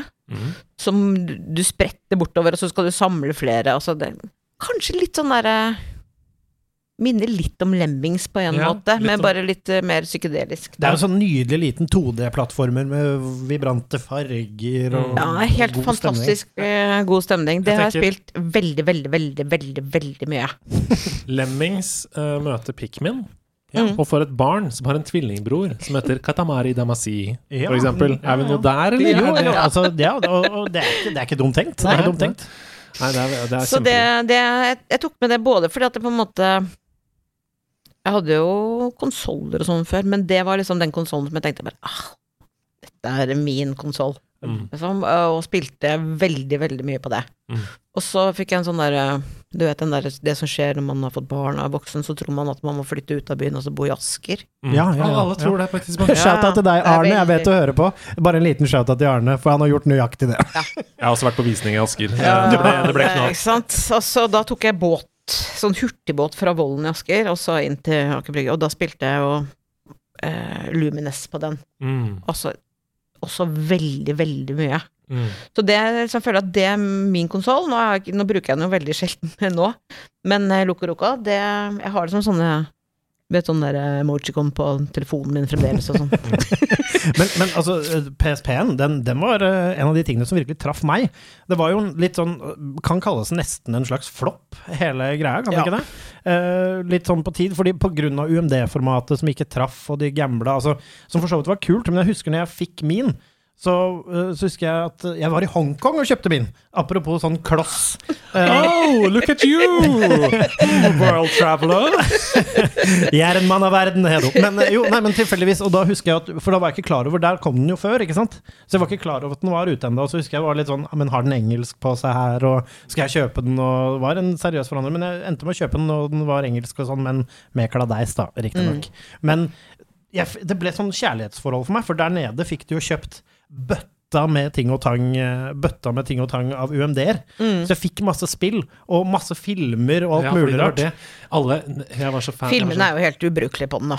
Ja, ja, ja, er du gæren? Men Er de det? Nei, nei ja, altså, altså, det, nei, det er ikke det. Det er jo som å se det på mobil, men ehm, For Jeg hadde en kompis, nemlig Markus, shouta til deg, Markus Nordli, som hadde PSP. Og da, hver gang vi var på korpstur, så satt jo han og så på liksom første Spiderman-filmen. Ja, den har jeg òg. Ja, ja. Den hadde jeg òg! Og, og jeg var så misunnelig. Eller hvorfor sier jeg hadde? Jeg har det fortsatt! Jeg jo har det. Hvis du vil, men vet du hva? Hvis du har lyst til å låne iRobot av meg, så kan du låne den. Nei, ikke så farlig. Det er julefilmen sin, det. Det er en av de beste. Nei, men eh, jeg tenkte at den liksom eh, både Det var på en måte sånn både litt sånn Selv om jeg hadde jobba med NFI et år, så var det veldig sånn oppstarten. Mm. Jeg følte at liksom Der kom jeg dit og møtte eh, disse Dice-folka, som jo skjønte at jeg var en sånn bortkommen nordmann helt alene, eh, som eh, tok seg litt av meg, så jeg fikk være med de ut og spise og sånn. Ja, Jeg følte liksom at det var liksom starten på en måte på Jeg har jo vært på Det er jo noe av det gøye med jobben som jeg har hatt, er jo at man, jeg har vært på veldig mye konferanser. Ja, det er gøy. Eh, så det var liksom litt sånn starten, pluss at jeg fikk et sånn veldig kjærlighetsforhold til uh, Loco Roco, da. Og Hvor mange-. Hvor mange ulike Just Dance-spill har du testa på sånne konferanser? Eh, jeg har det på jobben. Så du spiller gjerne et par timer hver Ja, dag? vi har, vi, nei, men eh, vi gjorde det en periode. Ja. Han må jobbe litt lenger i dag, så, så. så vi, vi var eh, Kjøpte veldig mye sånn rockband og dansemåter, litt sånn, ikke de der mattene, men liksom litt sånn tjukk ordentlig. Så det uh, vi drevet veldig mye med. Det skal vi mm, koble opp igjen nå, har vi funnet ut, for det er jo ja, dritgøy. Ja, Altså, når koronadays er over, kan ikke dere invitere oss opp en tur for å se litt Ja, på lokalene? Ja, ja. Så klart. Nei, fordi jeg føler at uansett Jeg har vært på Gamescom i Köln og, og eh, sett på E3 hvert eneste år. Jeg føler at u uansett hva slags messe du kommer til, så har EA en kjempestor scene hvor det er noen uh, pandaer som danser med noe neonlys, og så er det sånn Hey, just dance! Nå, sommerexpansion! Det er, altså, det er alltid noe. Men er Det det er det jo. men Sånn er det. det. Før så var det jo ikke pandaer, før så var det jo babes. Ja, det har de jo slutta med nå, men, uh, men Er nå er det pandaer, da. Er det babes inni pandaene, tror du? Ja, nå er det, det er i hvert fall Det vet vi ikke, i hvert fall. da. Gulrot med krone på hodet. Det er masse forskjellige uh, i Just Dance. Ok, dette var en fantastisk hamedag Eh, nå mister jeg kontrollen fullstendig. Det gjør du. Goomba eller Gondor? Ja, mine damer og herrer, det er en ny Game Master i byen. Og han heter Sebastian Brynestad.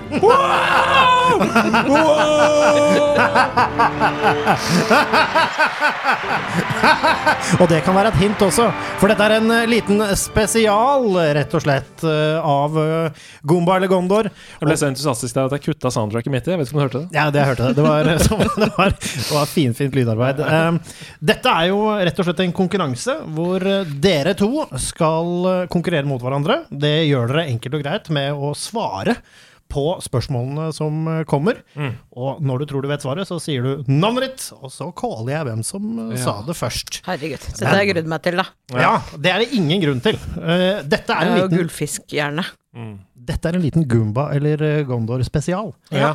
Så det som skjer nå, er at jeg skal spille av noen lydklipp. Jeg, har ikke, jeg vet, aner ikke hva det er. Uh, det står bare her som Goomba 1, 2 og 3, som du har sendt til meg på mail. Det kan være sannhetsvitne på.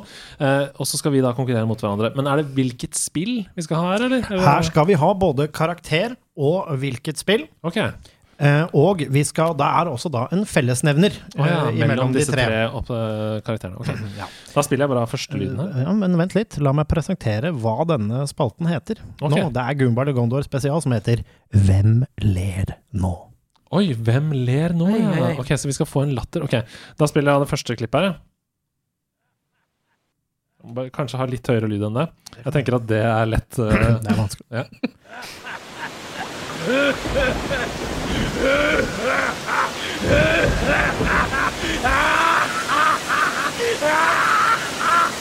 Oi, oi, oi. Dette er manisk. Eh, og det pøsregner. Det pøsregner, eller er det regn? Det, det vet vi ikke. Ja. Nei, jeg har ikke peiling. Nei, jeg, jeg føler jo Du er jo en soulser, da. Det kan jo fort være en sånn Father Gascoigne eller noe sånt som har Her er, på deg. her er vi langt unna. Kan, si at, eh, kan si at eh, vannet her Vannet her er viktig. Det er ikke regn. Det, Det er en foss, det, kanskje? ja, det renner inn, Å, og dette er et spill med mye vann.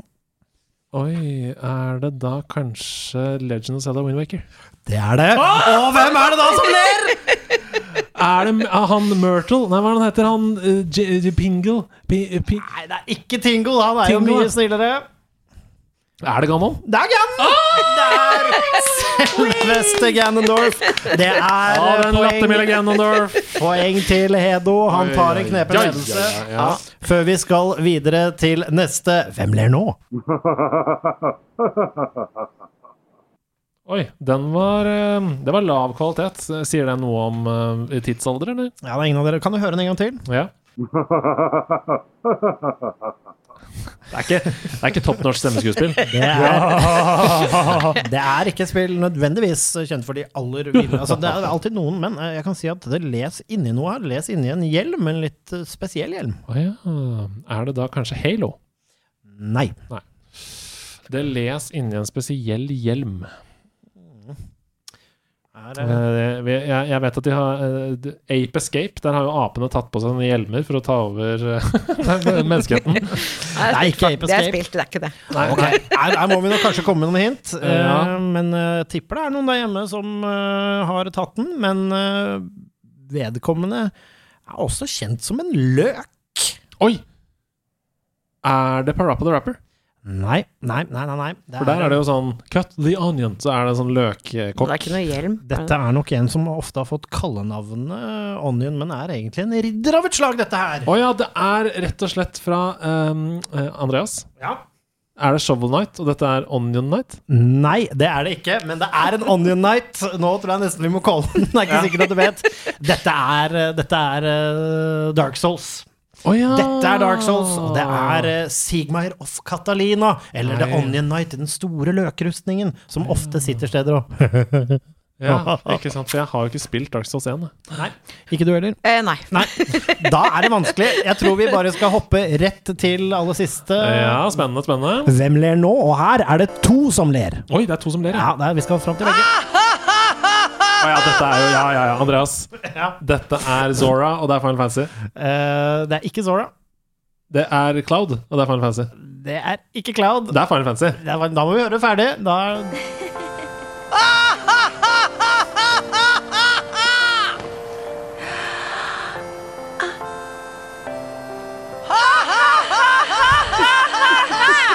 For det er, det er Final Fantasy. Det er det. Uh, for Først hadde jeg tenkt å si Kingdom Hearts, men det er Final Fantasy, for det er fra Final Fantasy 10. Det er riktig. Veldig sånn kjent eh, scene derfra. Jeg har ikke spilt uh, det, nummer 10, men jeg vet jo at denne scenen er veldig kjent. Uh, ja. jeg husker ikke hva de heter. Hva heter de, da? Nei, det er, to, det er to som ler her. Det er pigen og herren. Det er Juna og Tidus. Selvfølgelig er det Juna og Tidus. Den hadde jo da Stian tatt på 0,0. Det hadde han, men eh, det betyr Nei, vent litt! Vi skal ha en fellesnevner. Ja. Og den fellesnevneren den, skal, den er mulig å resonnere seg fram til. Den er, den er, ikke, så, den er ikke veldig Eller den er konkret, men den er ikke sånn nødvendigvis Vi må prøve å oppsummere her. da Vi har altså Final Fantasy 10, Yuna og Tidus. Og så har vi da The Onion Knight fra Dark Souls 1. Og så har vi på starten Hva var det igjen? Ja, det, det var de tre, det. Nei, nei tenker du på. Ganon ja, fra, fra Fra Uh, Legend of Zelda. Legend of Zelda uh, Wind Waker. Ja. The Wind Waker. Ok, men Da har det ikke noe med spillet å gjøre? Det er karakterene som er en fellesnevner her? Nei, det er faktisk ikke det. Det har noe med Ok, spillene å Wind gjøre. Wind Waker, sånn Dark Souls og Det er vesentlig det vi Det er litt vesentlig hva vi hører det her, da. Si at det vi hører er viktig. Eh, vi Ja. Men det kan, kan ikke være så enkelt som at alle ler. Alle ler. Latter? Nei, det kunne vært det, det kunne vært det, men det er ikke det. Nei, Ok. Hva er det disse tre spillene har til felles? Ja, de er jo rollespill, da. Er ikke det litt sånn, kanskje er Men de er det. Det er rollespill. Ja, men det er ikke det vi skal fram til. Nei, det kanskje er de altså, Er det noe, er det noe, er det noe geografisk? Nei, er alle spill fra Japan? Ja, og i tillegg Det er Altså, det er halvt poeng! Det er, altså, alle er engelske dubber av japanske spill. Alle er Ah, engelske dubber av japanske spill. Og her sitter vi altså med en som jobber med å tildele penger til spillutvikling. Det er sjokkerende. Ja, Men altså, herregud. Jeg vil jo takke, jeg vil jo takke deg spesielt for at du deltok. Ja, ja, det var jeg usikker på det, om jeg skulle. Men det er altså Andreas eh, Hedman som stikker av Ja. eh, med seieren her. Men det var ikke noe, det var ikke noe Nei, det var ikke Knockout. Jeg var glad det var såpass vanskelig spill, for da er det mye, føles det mye bedre. Hvis det hadde vært sånn Men jeg vil tippe at det var en del på laget som eh, på en måte reiste kjerringa, som Ja, hører på nå, som, som fikk riktig svar. Fra en sjokkerende japansk oppgave til en annen sjokkerende japaner. Bue og pil, men ingen jeger. Et lys i det fjerne, men ingen lanterne. The cake is alive. Spretter ved suksess. Kojima-koden. Ja, vi skal til Hidio Kojimas rike. Min yndlingsspalte om dagen! Dette er altså Kojima-koden, og her er alle venner, for dere er nemlig på lag. Ops! Perfekt. Eh, så Kaja og Sebastian, dere skal nå gå slå hjernene sammen og prøve å resonnere dere frem til hvilket spill jeg har gjemt i en Kojima-kode. Og ikke la deg forvirre av at jeg sier Kojima-kode. Har ingenting med Hideo Kojima å gjøre. Um, Lett å la seg forvirre av det. men dette her er to spill som jeg vet at dere begge kjenner til. Bomber Jack. Eh, og den første Jack. Det er jo sånn at Kojima-koden Kojima. Du tenker på Bomberman. Jeg tenker på Bomberman, men jeg blander de to. annet. Bomberman Gunjack fra Tekken. Eh, nei, men øh, øh, i Kojima-koden, hvis dere klarer å gjette hvilket spill det er i det første ledd, så får dere to poeng.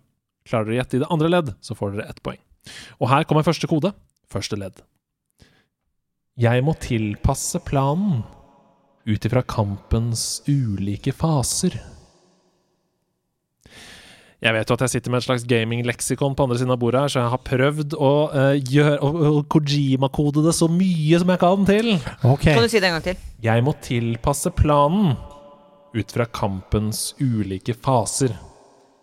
Jeg kan uh, innrømme at jeg har brukt synonymordbok her for å ikke uh, avsløre eh, noen veldig Ah. viktige ord. Ja, Man må tilpasse planen altså, ut ifra kampens ulike faser. Hva kan synonymene være her? Fordi det, dette kan jo være så mangt. Uh, men det er et spill da, hvor man må liksom tilpasse planen ut ifra Jeg kan si den originale. Jeg må tilpasse strategien ut ifra kampens ulike faser. Det var det første, første jeg skrev. ah, Jeg må tilpasse strategi Da er det et strategi ut ifra kampen.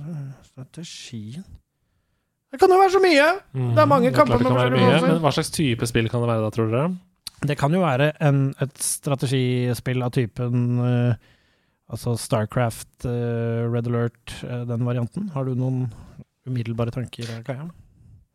Ja, kan jo være Kan jo til og med være Fifa. Mm. Ja, Ja, ikke sant? Det kan det absolutt være. Det, det kan det. Ja, det er sant. Det var veldig godt tippa. Det er ikke FIFA, men det kan, det kan. Det, ja, det, det kunne vært det, men det kan også være Dark Souls. Ja, for du trykker jo ofte på pause, du, i singleplayer career mode, og bytter formasjon, for eksempel, i det, FIFA. Ja, det gjør jeg, bare at jeg har lært meg å gjøre det on the fly. Oi, oi, oi! Uh, men uh, eh, Det har ikke jeg lært.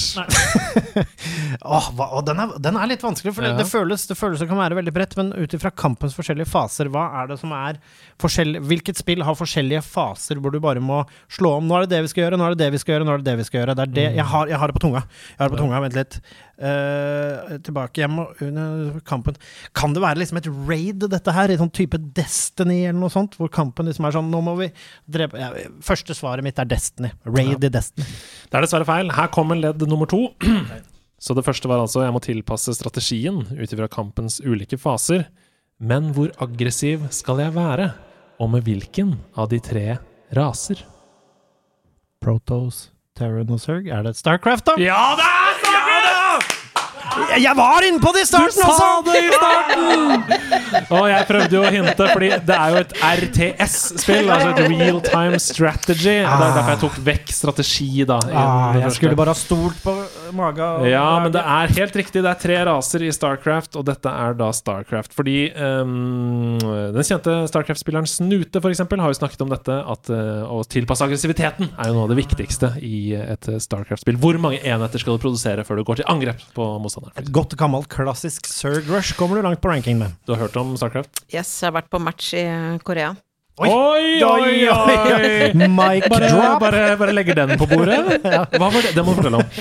Nei, det var eh, det, Jeg husker ikke når det var. Det er jo en del år siden, men da var vi i Seoul, og da var vi og så på en eh, en eller annen finale, TV-sendt, i et sånn der eh, svært eh, Megaplex. Ja, Megaplex. Ja. Og de var jo noen bitte små kids. Det var jo Wow. dritgøy, og det var også Det var liksom popstjernestemning. Altså hyl og skrik, og veldig, veldig gøy. Ja, nei, det høres gøy ut. Men jeg har ikke spilt det. Nei. vi går til Kojima Kodo 2, vi. Oh. Vi kommer til syne i alle fremtoninger. Fra apparaturer til varger. Hører dere Kojimas gjenferd går igjen i veggene? er? Han elsker at dere hjernene knaker nå. Nå koser han seg. Vi kommer til syne i alle fremtoninger.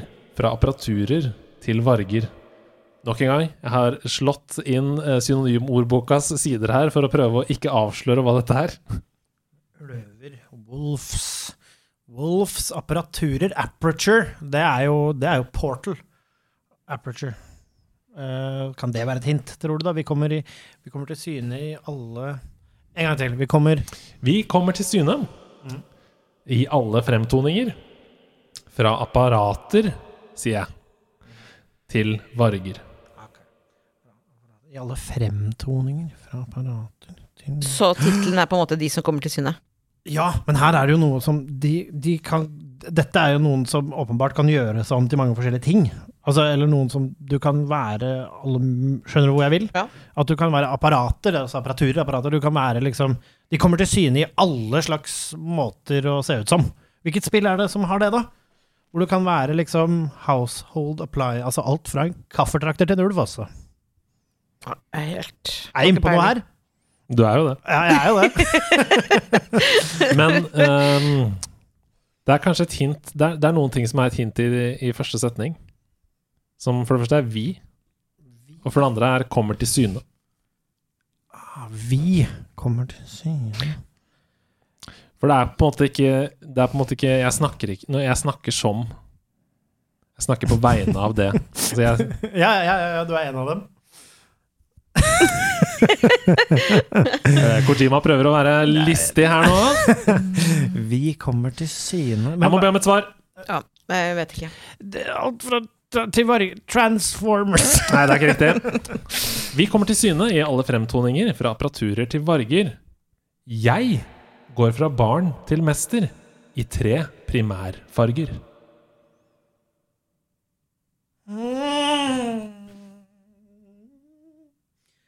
Åh, nå knaker det her. Eh, jeg kan, et hint er at denne Kojima-koden kunne vært veldig mye enklere. Og den kunne vært Det føles løst at på det er ett liksom sekund. eh, Journey-aktig. Ja, det, altså, dette er tre, Men der er det ingen som kommer til syne. tre, tre primærfarger. Du utvikler det her, åpenbart, og så blir du forskjellige ting som du ja, Og så får du Du skifter farge etter hvert som du blir mm, Eller Nei. Nå er du litt på jordet. Jeg er på jordet. Nei, for det er vi. Det er vi, Ja, det er vi, som ja. har uh... Pikmin! Å, det er nære! Uh, det eh, nei. Nei. Ikke Pikmin, men Eh, Pokémon! Ja! Ja, det har jeg hørt om, altså. Det er akkurat det det er! De tre primærfargene rød, blå og gul, selvfølgelig! Der, altså, der, jeg, jeg tenkte på alle de der Oi, som fulgte etter, for det er vi, ikke sant? Og, vi, være, og hvorfor sier jeg 'kommer til syne'? A wild nana appeared. Appeared! Appeared, selvfølgelig! Uh, og apparaturer, det kan jo være en eh, Det kan jo være en, det der er de tre eh, elektriske eh, Ja, ja, ja, ja. til en ulvelignende eller en vulpix eller sånn, sånne ting. Ja, ja. Eh, og jeg går jo fra barn til mester, eh, Ash eh, Ketchum, eh, i da rød, blå og gul, som var de tre første eh, Tenk. Veldig bra. Og det kan være, for det kan være magneter, og det kan være alt mulig! Eh, Ja, og dette var gøy, folkens! Ja, den, det var en god Kojima-kode, det var vanskelig.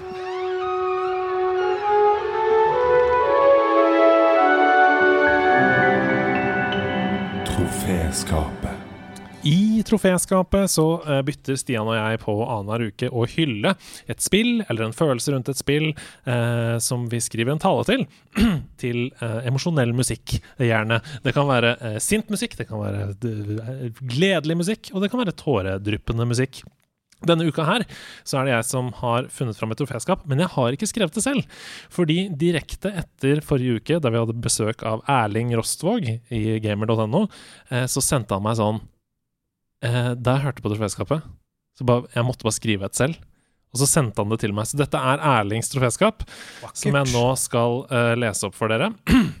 så da er det bare å lene seg tilbake eh, og nyte troféskapet.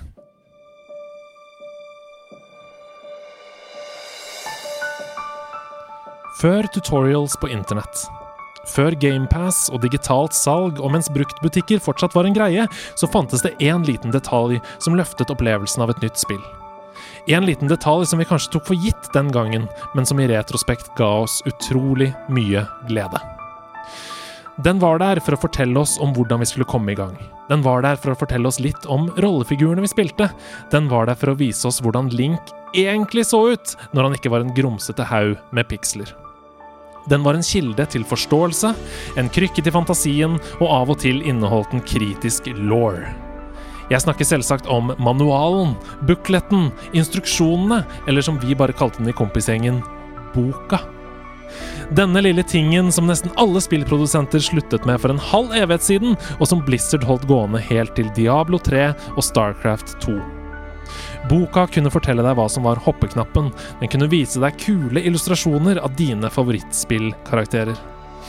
Sammen med boxarten så satte den i gang et tankespinn om en vidunderlig spennende verden. Uten boka så var det ingenting som fortalte deg at myntene i Super Mario Bros var av gull og ikke av dødelig ild. Uten side opp og side ned med Dr. Lights dagboknotater så var det helt umulig å forstå historien i Megaman X. Og hvem kan glemme illustrasjonene fra Blizzard? Sirlig nedtegnede og detaljerte tegninger av orker som virkelig lot deg forstå hvordan de små figurene i Warcraft 2 egentlig så ut. Det var tegninger fra over et tiår med Zelda-spill som virkelig løftet øyeblikket der Link blir voksen i Ocarina of Time.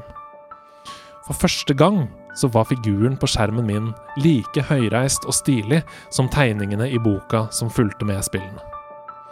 Men den kanskje aller, aller viktigste funksjonen boka hadde, det var å holde forventningene levende. Hvem kan glemme følelsen av å ha kjøpt et nytt spill i butikken, og så ta fatt på den lange reisen hjem? Kriblingen i magen over at et nytt dataspill snart kan spilles, men også følelsen av at det er altfor lenge til bussen stopper litt for langt unna hjemme, og du kunne ta fatt på løpeturen hjem til datamaskinen eller konsollen. Etter å ha studert boksarten nøye, kanskje latt fingrene gli over tegninger som stikker ut i relieff på forsiden av boksen, trakk man fram den lille manualen eller det store heftet. Eller kanskje var det bare en sammenbrettet plakat. Boka hadde mange former. Innen bussturen var over, hadde du uansett lest gjennom alt minst tre ganger, og du var så sulten på mer at du vurderte å lære deg fransk for å kunne lese det en gang til på en litt annerledes måte. Den opplevelsen er borte nå, og jeg har fortsatt til gode å finne noe som erstatter den. Og guri malla som jeg savner boka. Ja! Boka! Nydelig. Nydelig skrevet. Erling, Erling, Erling! Ja, men det der, og det, og det er så, og vet du hva? Det er så gøy når ting bare treffer sånn 100 Bussturen! Bussturen! Skulle jeg lært meg fransk, da? Ja. um, han, han la også ved en liten fun fact her, vedrørende eksempelet om det, hvorvidt myntene var laget av ild eller ikke, eh, som eh, i Super Mario. Han skriver her Nintendo gjorde en brukerundersøkelse der de ga en rekke unge folk tidlig Nintendo-spill og beskjed om å slå seg løs. Ingen av dem leste manualen, for det trenger man jo ikke på nyere spill. Eh, resultatet var noe sånt som at 90% døde på første gomba. De bare løp rett på den første gombaen. Eh, og de aller fleste spillerne unngikk myntene fordi de så farlige ut. Um, og lot være å ta sopp, fordi fluesopp er giftig. er det gøy? Ja. Manualen, dere!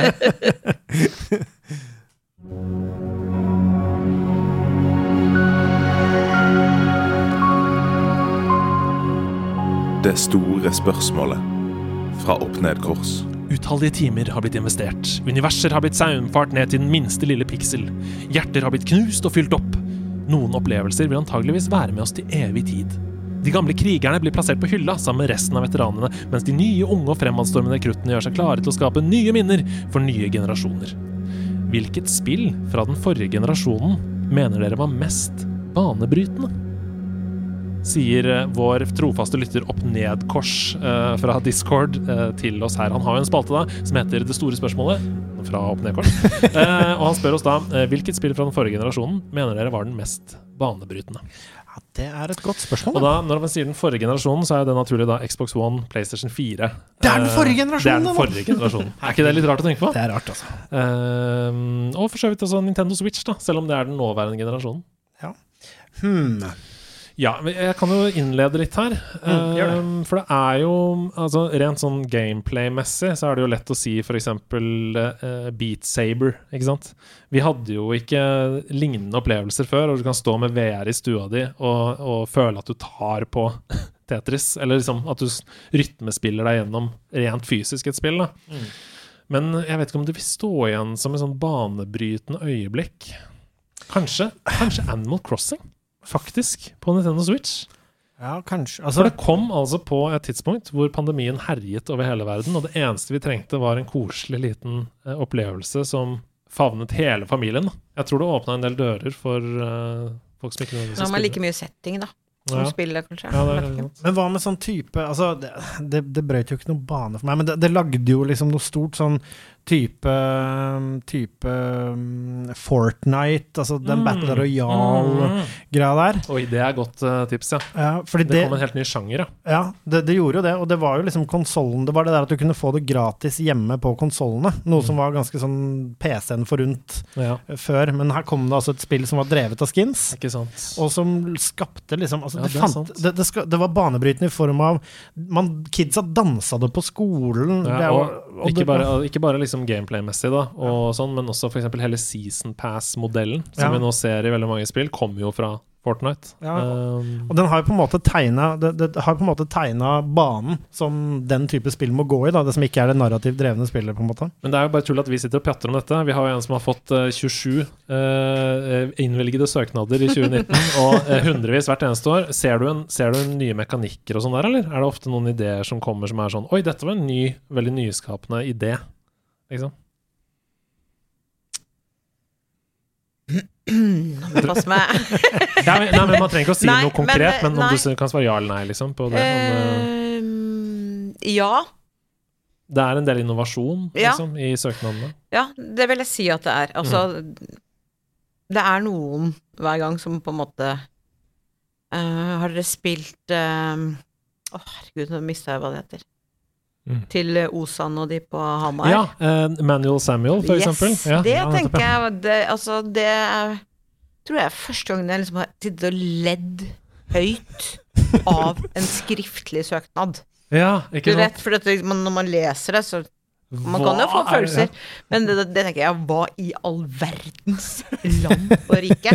Fantastisk spill, da. Ja, det er jeg helt enig i. Så det tenker jeg at det var jo Føltes i hvert fall eh, Jeg hadde ikke sett noe som ligna på det. det. det var veldig innoverende. Enig. Har du spilt oppfølgeren også? Dere, er- dere innvilget jo penger Yes. til det også? Men jeg har bare testa lite grann, må jeg innrømme. Um, Men i, ikke fordi jeg ikke liker det. men i banebrytingen, da? Altså, tenk, hva tenker du sånn i forrige generasjon konsoller? Altså, Ja. Har det noe du har sett som føler altså, For det er det der med banebrytende. Det er Ja, det er mange som har tatt ting videre, men det er, det er et eller annet med at du må sette det må stå igjen som liksom noe som forandra noe, føler jeg. Mm, og, som, og som kanskje da føles som sånn Ja, det har preget spillverdenen spillverden i så stor grad at nå kommer det til å følge oss resten av Altså litt som jeg leste forrige dagen anmeldelsen Ja, det var, du var jo med på Sidequest da vi snakket om eh, Skyward Sword på Riktig. Nintendo Wii, og IGN i sin anmeldelse sa nå kommer bevegelseskontroller til å komme til alle spill. Mm. Ja, fordi dette er så bra at det kan gå tilbake til sånn det var før. Mm.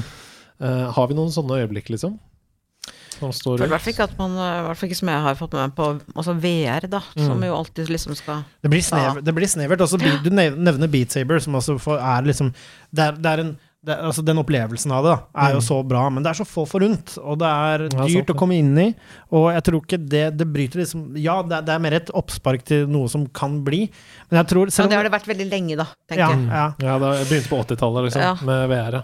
Og selv om, også, men, men selv om altså, Jeg skulle ønske at jeg kom på noe gameplay-wise. Der mener jeg at det har vært mye forbedringer og mye som er mye bedre. Det er mye som er safe. Ja, og det er mye som er safe også, absolutt. Men jeg, altså, jeg tror liksom det som må stå igjen som banebryteren der, er Fortnite. Den Ja. enkle grafikken, den enkle tilgjengeligheten, måten du kan bli helt sjukt god på det. Nå er Mm. ikke det et spill Ja, som jeg egentlig elsker, men det er veldig sånn du kan være super pro, du kan være super dårlig. Det er gratis å komme inn i det. All inntekt er kosmetikk, og det tror jeg har lagt igjen fra forrige generasjon som jeg tror det blir stående igjen som det som forandra mest på forrige generasjon. Mm. Jeg, er- jeg er enig med deg, men jeg tenker også sånn som ikke er ett spill, men som er på en måte Også det at eh, de mindre indie-spillene endelig Ja. slapp til Ja. på konsollene igjen, etter å liksom ha vært sånn Det har ikke sjans, ikke sant? Du må opp med 300 millioner for å, for å komme dit. ja. Mens eh, altså at man kom inn igjen med de små indiespillene, tenker jeg det, Men det er jo ikke ett spill. Ja, men vet du hva, det tror jeg kanskje er det aller beste svaret. Fordi det har også ført til at de store utviklerne da, har måttet ta grep. Mm. For eksempel Call of Duty skjønner at de kan ikke måke ut det samme oppskriften år etter år etter år, fordi eh, spillerne deres plutselig spiller Life is Strange isteden. Ja. På en måte, fordi det er en mer original og nyskapende opplevelse. Så det er egentlig ganske godt svar. Altså. Du har jo også snakka litt om det før. Ja, det, det synes jeg altså, da, altså Hvis man skulle sette et spillnavn på det for min del, så tror jeg liksom kanskje at det ville vært Ori. Ja, ikke sant? Ja. eh, Som kom og ble liksom forsiden av Xbox Live. ja. Og senere kom til de andre konsollene, og Switch høyt opp, laster ned masse. Et indiespill som blir på en måte en sånn trippel. A-release i kraft av å være bra.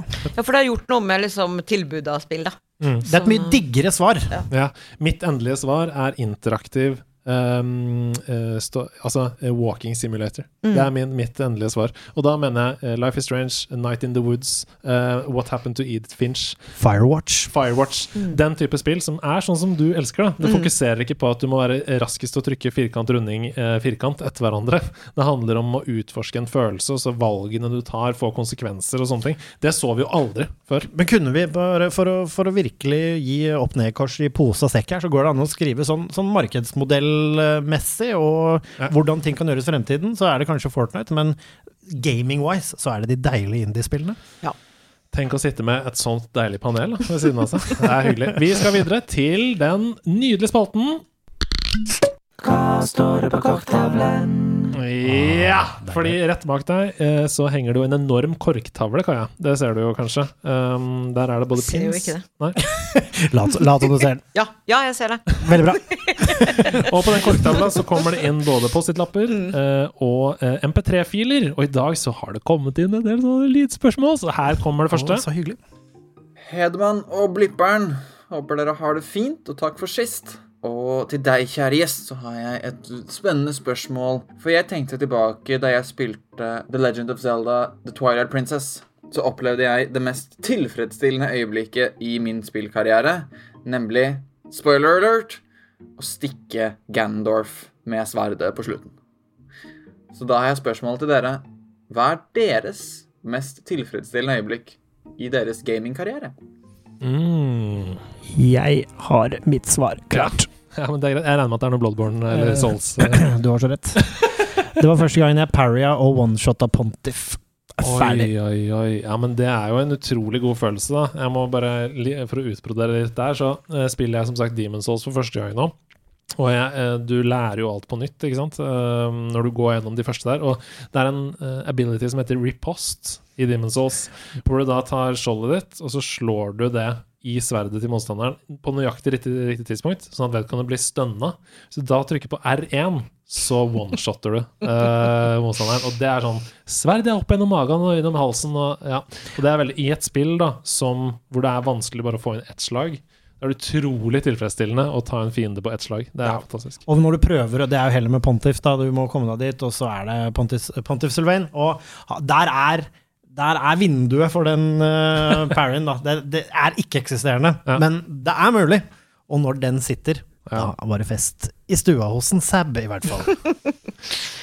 Ja, hva skal jeg svare på det? Jeg tenker at jeg i hvert fall har en helt annen Jeg har ikke noen sånne moments Jeg har sikkert hatt det, men som jeg, ikke, som jeg kommer på. Nei, for det kan jo være helt sånne små, uh, Ja, for jeg eksempel som tror det er mer liksom følelsen av Altså, jeg må si, når jeg spilte Mosaikk, da, mm, som jeg hadde gleda meg helt ekstremt Jeg hadde jo fulgt gjennom mange år. mm. Gleda meg sånn ekstremt. Jeg tenkte kan, altså, Kommer de til å klare det? Jeg trodde jo det, da. De kom til å klare det, og levere på en måte det, og at man sitter igjen med den følelsen, da. Um, som var jo litt sånn vond. Jeg vet ikke om dere har spilt heller, men uh, Men uh, den følelsen jeg fikk av uh, å ha spilt spillet, det er, sånn, det er sikkert ikke det største øyeblikket i mitt liv, men det, det ga meg i hvert fall det det jeg kom på nå. Mm. Sånn uforberedt. uh, Ja, nei, jeg må si at eh, for min egen del så mm, er det lite som topper den gangen vi endelig greide 120 stjerner i Super Mario 64. eh, etter å ha tatt 100 coins i TikTok Clock, som var den siste stjernen, og man sleit og sleit og sleit med. Og så bare Hva skjer nå? For det hadde gått så mye rykter. ikke sant? Det var sånn, Hva skjer nå? Åpner en ny verden? Er det 120 stjerner til? Eh! Og hva med kanonen ute foran slottet? Den har vært stengt hele spillet. Og så ser man plutselig sånn Den åpner seg. Hvor skal jeg skytes? Hvor skal jeg skytes?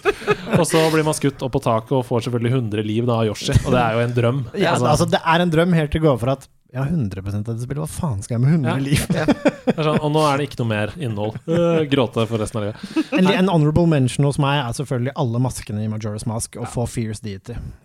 Ja, det er også et stort øyeblikk. Ok, jeg håper du fikk svar, Magnus. Jeg kan, jeg kan svare kjapt på vegne av Stian. Det er eh, når han fikk alle eplene med Solan Gundersen. I Flåklypa-spillet. Riktig. Der har dere også sikkert vært med å støtte Ikke det første. Nei, men nå da den nye versjonen? Ja. Mm, det har Det gleder jeg meg så til. Jeg håper eplemekanikken er den samme som Ja, det vet jeg det er en, en luring fra Bergen som hopper på også. Jeg spoiler ingenting. Ok, her er neste spørsmål. Hei, nerdelandslaget. Jakob her.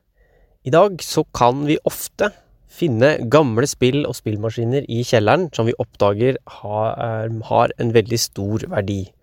Spørsmålet mitt i dag er derfor hvilken gamingkonsoll eller spill eller spillting er det du har eller kunne, skulle ønske du hadde, men som du aldri kunne solgt, uansett hvor mye den var verdt? Ha det! Ha det! Ja, den er fin. Altså, jeg er jo en retro game collector. Har mye retro ting og tatt vare på alle tingene jeg har hatt eh, helt siden jeg var kid. Fra første Atari gjennom 16-bit og 8-bit Sega og Mm. Dreamcast og det hele. Så jeg har allerede ganske mye av det jeg skulle ønske jeg hadde, og aldri ville solgt. Og kommer aldri til å selge uansett. Og om Mm. jeg noen gang får barn, så kommer de ikke til å få lov til å ta på det før jeg er dau, si. Eh, Men eh, jeg tror en sånn jeg tror jeg ville hatt liksom en sånn launch edition, sånn helt prikkfri Mint condition. mint condition med pappen og det hele av A Link to the Past til Super Nintendo Ja. og Turtles in Time til samme konsoll. Na. Beste spillmusikken. Ja. Oh, fy faen, for et spill. Eh, Jeg tror eh, De to tingene Jeg har Turtles in Time, jeg har A Link to the Past, og jeg har coveret til Turtles in Time, men ikke til A Link to the Past. Oh, Jeg tror Mint Condition, liksom førsteutgivelse der, vet ikke helt hva det har vært, men det er en sånn liten drøm. Har du noe slengende i kjelleren, eller? Som du ikke kan tenke deg å selge for enhver pris? Nei. Men øh, jeg har ting slengende i kjelleren. Ja, ja, ja. Men øh, Men alt er til salgs. alt, alt kan kjøpes. Jeg kjøpte meg Det er ikke akkurat spill, men det er nesten sånn Jeg var i Tokyo for et par år siden. Så var det en sånn Munch-utstilling der, og da hadde de laget sånn Pokémon-kort. Oi! Munch Edition Pokémon-kort. Wow! Som jeg tenkte skal jeg faen meg kjøpe. Da kan, eh, som, da kan barna mine få leilighet Ja. om 100 år. Ja. så de har jeg, da. Oi, Hva skal, hva skal? Hva skal? Men, hva, men hva er det? Er det Skrik, da? Med HP og attack ja, power Ja, få se bildet etterpå. Nei, det er ikke skrik. Altså, Jeg fikk må- ikke Pikachu, da, for det, det, det var utsolgt. Ja, selvfølgelig. Men jeg fikk tak i noen andre. De er veldig fine. Skal Å, fy Men du vet at det Altså Hvis det er offisielle fra, altså fra selve utgiveren, liksom? Ja, det, altså det var uh, Metropolitan-museet i Tokyo ja, sant, som, som fikk eh, lov til å lage. Det var, jeg hadde uh, Pokémon og Hello Kitty Munch Hvilket Edition. år er dette? Ja, for, men du, Dette er i eh, 18? 2018? men se, Seb, ja, ok, det er se, det er jo nødt til å være offisielt, Fordi du blir jo saksøkt i Ja, ja. alle Ja, ja, ja, bauger og ja, det kanter er- hvis du er bruker. Pokémon. Men jeg tenkte at vi, altså 2018 er jo Jeg tenkte at hvis 17 dette var liksom når det var Ja, på, i starten, ja. så hadde det vært noe annet. Men da, da må nok holde på det noen år Ja. til. Men ja, Ja, det kan ja, bli det verdt må dere putte i plastmapper og Ja, jeg har eh, kjøpt en sånn liten bok, da, vet du. Men du må, du må, det du må kjøpe deg, er å kjøpe deg en sånn plastkloss du får skrudd sammen. Fordi Ja. det er forskjellen på mint og ikke mint. ja, da får du sånn, ja, ja, stemmer det. Eh, For min del så har jeg jo snakka litt om det her før, men jeg, jeg fant jo Jeg hadde en eh, fase hvor jeg tenkte sånn Nå skal jeg selge en del ting, og ikke til sånn blodpris, men til liksom helt vanlig pris, fordi noen andre kommer til å få mye mer glede av det enn meg. Eh, At Gameboyen min bare ligger her. Det er noen andre som kommer til å få mer glede av det. Og jeg fikk solgt ganske mange ting inntil jeg kom til PlayStation Vita og skrudde den på. Og så at liksom Gravity Rush kom over skjermen og sånn. Da tenkte jeg sånn Denne kan jeg ikke selge. Jeg kan ikke selge den. Så eh, PlayStation Vitaen min ligger fortsatt i et skap. Og det andre er en av fire par med sko som kom til Norge. Det er veldig, veldig få på verdensbasis. Og det er Puma sine Sonic-sko. De er dritfete! Og de har blå pels på utsiden. Det er pels på skoene, og det er eh, rundt lissene så er det gullringer. Som du samler. Veldig Eh, kult. og de har jeg selvfølgelig aldri brukt, og kommer aldri til å bruke, og de ligger i esken sin. Og det, ja, de, de skal aldri selges. ja. det er. Altså jeg har, jeg har, har en av mine stoltheter i samlingen er jo et uh, japansk First Edition F-Zero. Jeg har vel sendt ja, et par bilder av det. ja. I full i hel mint, som er veldig bra. Og så har jeg eh, altså noe jeg aldri kommer til å selge, men jeg har en Sega 16-bit, min, som jeg fikk til jul av pappa. Oi, oi, Den oi, står fortsatt. Den renses med q-tips en gang i året. Funker som ei klokke. Og jeg har tre utgaver som jeg har fått eh, tjora til meg i løpet av årene. Tre utgaver av eh, NHLPA 93. Det råeste hockeyspillet gjennom tiden.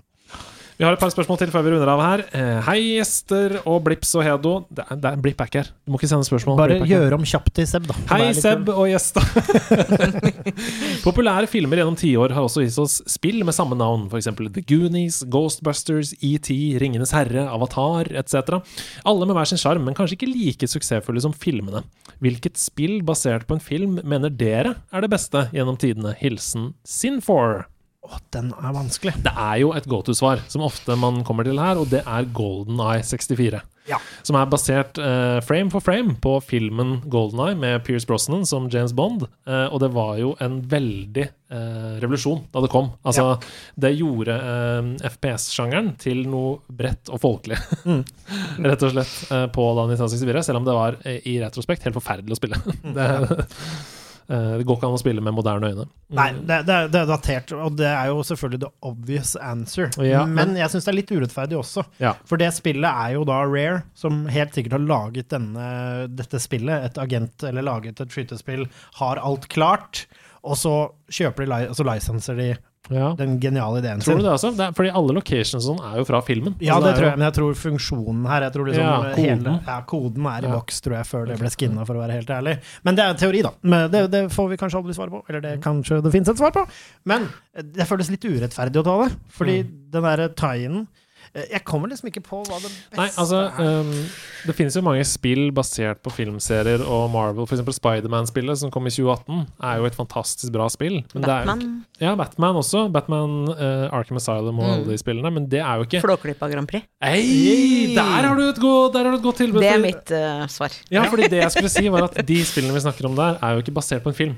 Det er jo en egen historie Ja. uh, satt til samme univers. Mm. Så, men Flåklypa Grand Prix, det er jo faktisk den samme historien. Men, men litt sånn men litt, uh, For du husker det stedet i filmen hvor alle må samle epler? ikke sant? Jeg husker det veldig godt. Så det er jo Noreodor. Reodor han drar fram munnspillet der, og Det er postsortering oppe med Solland og Ja, ja, ja. Altså, da vet du hva, da koser Stian seg foran dataen. Eh, men, men eh, en honorable mention for meg, som jeg bare har lyst til å nevne som, Igjen, det er jo liksom ikke Det som er problemet her, at det er liksom ikke spillet Spillet blir et eget spill her også, da. Madmax som kom, det Ja. kom gratis på PlayStation Pluss her. Og så satte vi oss ned i gjengen og bare tenkte det må jo testes. Det var en veldig positiv overraskelse. Det var et veldig bra Men det er et open world-spill. som er veldig Ja, bra. Jeg ja. spilte spilt det også. Det, det koser jeg meg med, men jeg tror kanskje det jeg sitter igjen med som er en ordentlig movie tie-in, men på 16-bit-æraen, det er Ghostbusters på Sega 16-bit. Ja, Det likte jeg veldig godt som kid, og det, det er innmari bra den dag i dag. Ja, Skal det bli vårt svar på den? Ja, Det er vanskelig å kåre noen endelig vinner. Til slutt en liten community service-oppdatering her. Ho, ho, ho, alle vakre nerder. Hæ, vi er vakre. Den nærmer seg jul med stormskritt, og det kan se ut som det blir en noen annerledes jul, jul enn en, en vi er vant til. Det blir både annerledes jud og en jul. Eh, Piratfisk og Opp-ned-kors, som er eh, folk på Discord, arrangerer derfor Secret Santa. Oi! Ja, ja, ja, ja. Man blir tildelt en person man sender en gave til, og får tilsendt en gave selv av en annen. Og alle som ønsker, kan melde seg på inne på Discord. Sjekk Happenings eller Korktavlen-kanalen for alle detaljer. Siste frist for påmelding er 2. Eh, god jul, og la kjøttet ligge innpakket under treet. Hilsen piratfisk og opp-ned-kors. Det er en eh, catchphrase, ikke det, eller, eller. Vi pleier å si det nærmeste. La kjøttet ligge innpakket under tre, pleier vi å si.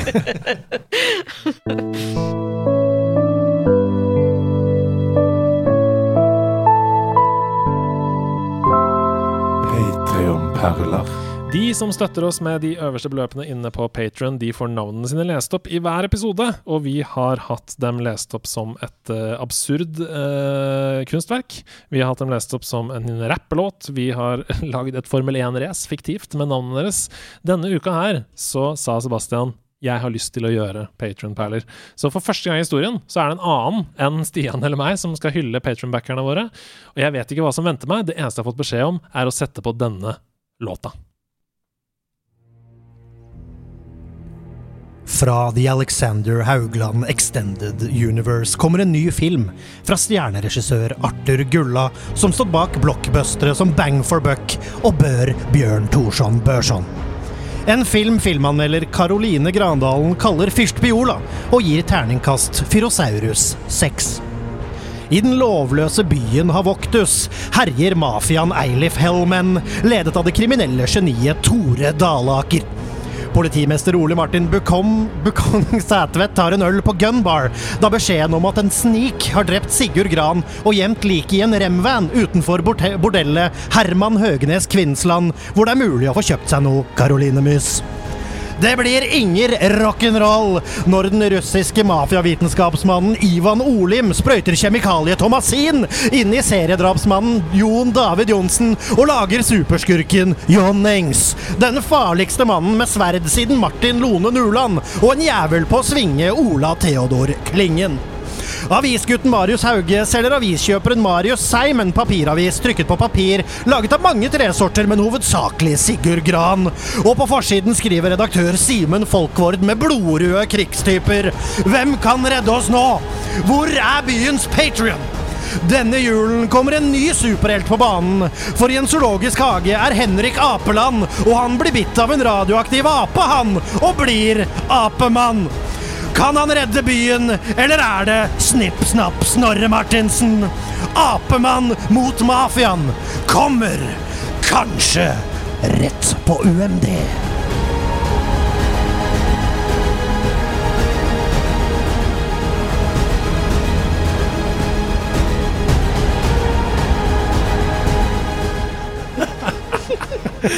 Ja!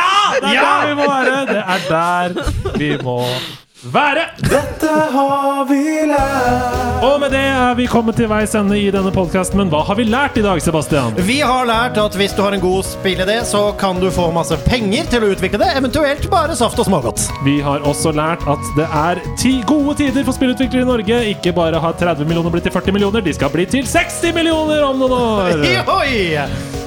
Vi har også lært at UMD var en stor del av eh, dagens gjest Kaja sin spilloppvekst på PSP, og særlig da Loco Roco, var det ikke det? Jo, jo. Ja. Stemmer. Vi har også lært at det er rift nå i NFI, hvem som skal få ha PlayStation 5 i jula. Interne stridigheter i NFI. Overskrift i Dagbladet der. Hva annet har vi lært? Vi har lært at eh, Sebastian gjerne skulle hatt seg et Mint Condition Turtles in Time på Stega. Kan noen av dere der ute hjelpe ham med det? Ja, det, altså det hadde vært hyggelig. Og så har vi selvfølgelig lært at det blir Secret Santa i nerdelandslaget i år! Hei! Hva har du lært i dag, Kaja? Nei, jeg har lært at eh, jeg har spilt litt flere spill eh, enn jeg tror.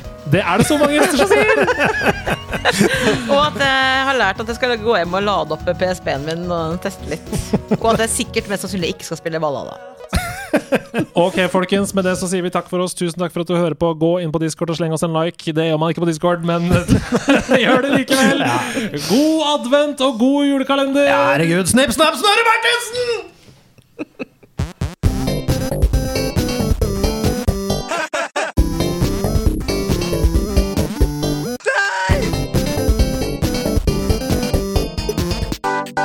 Nerdelandslaget. Den er grei.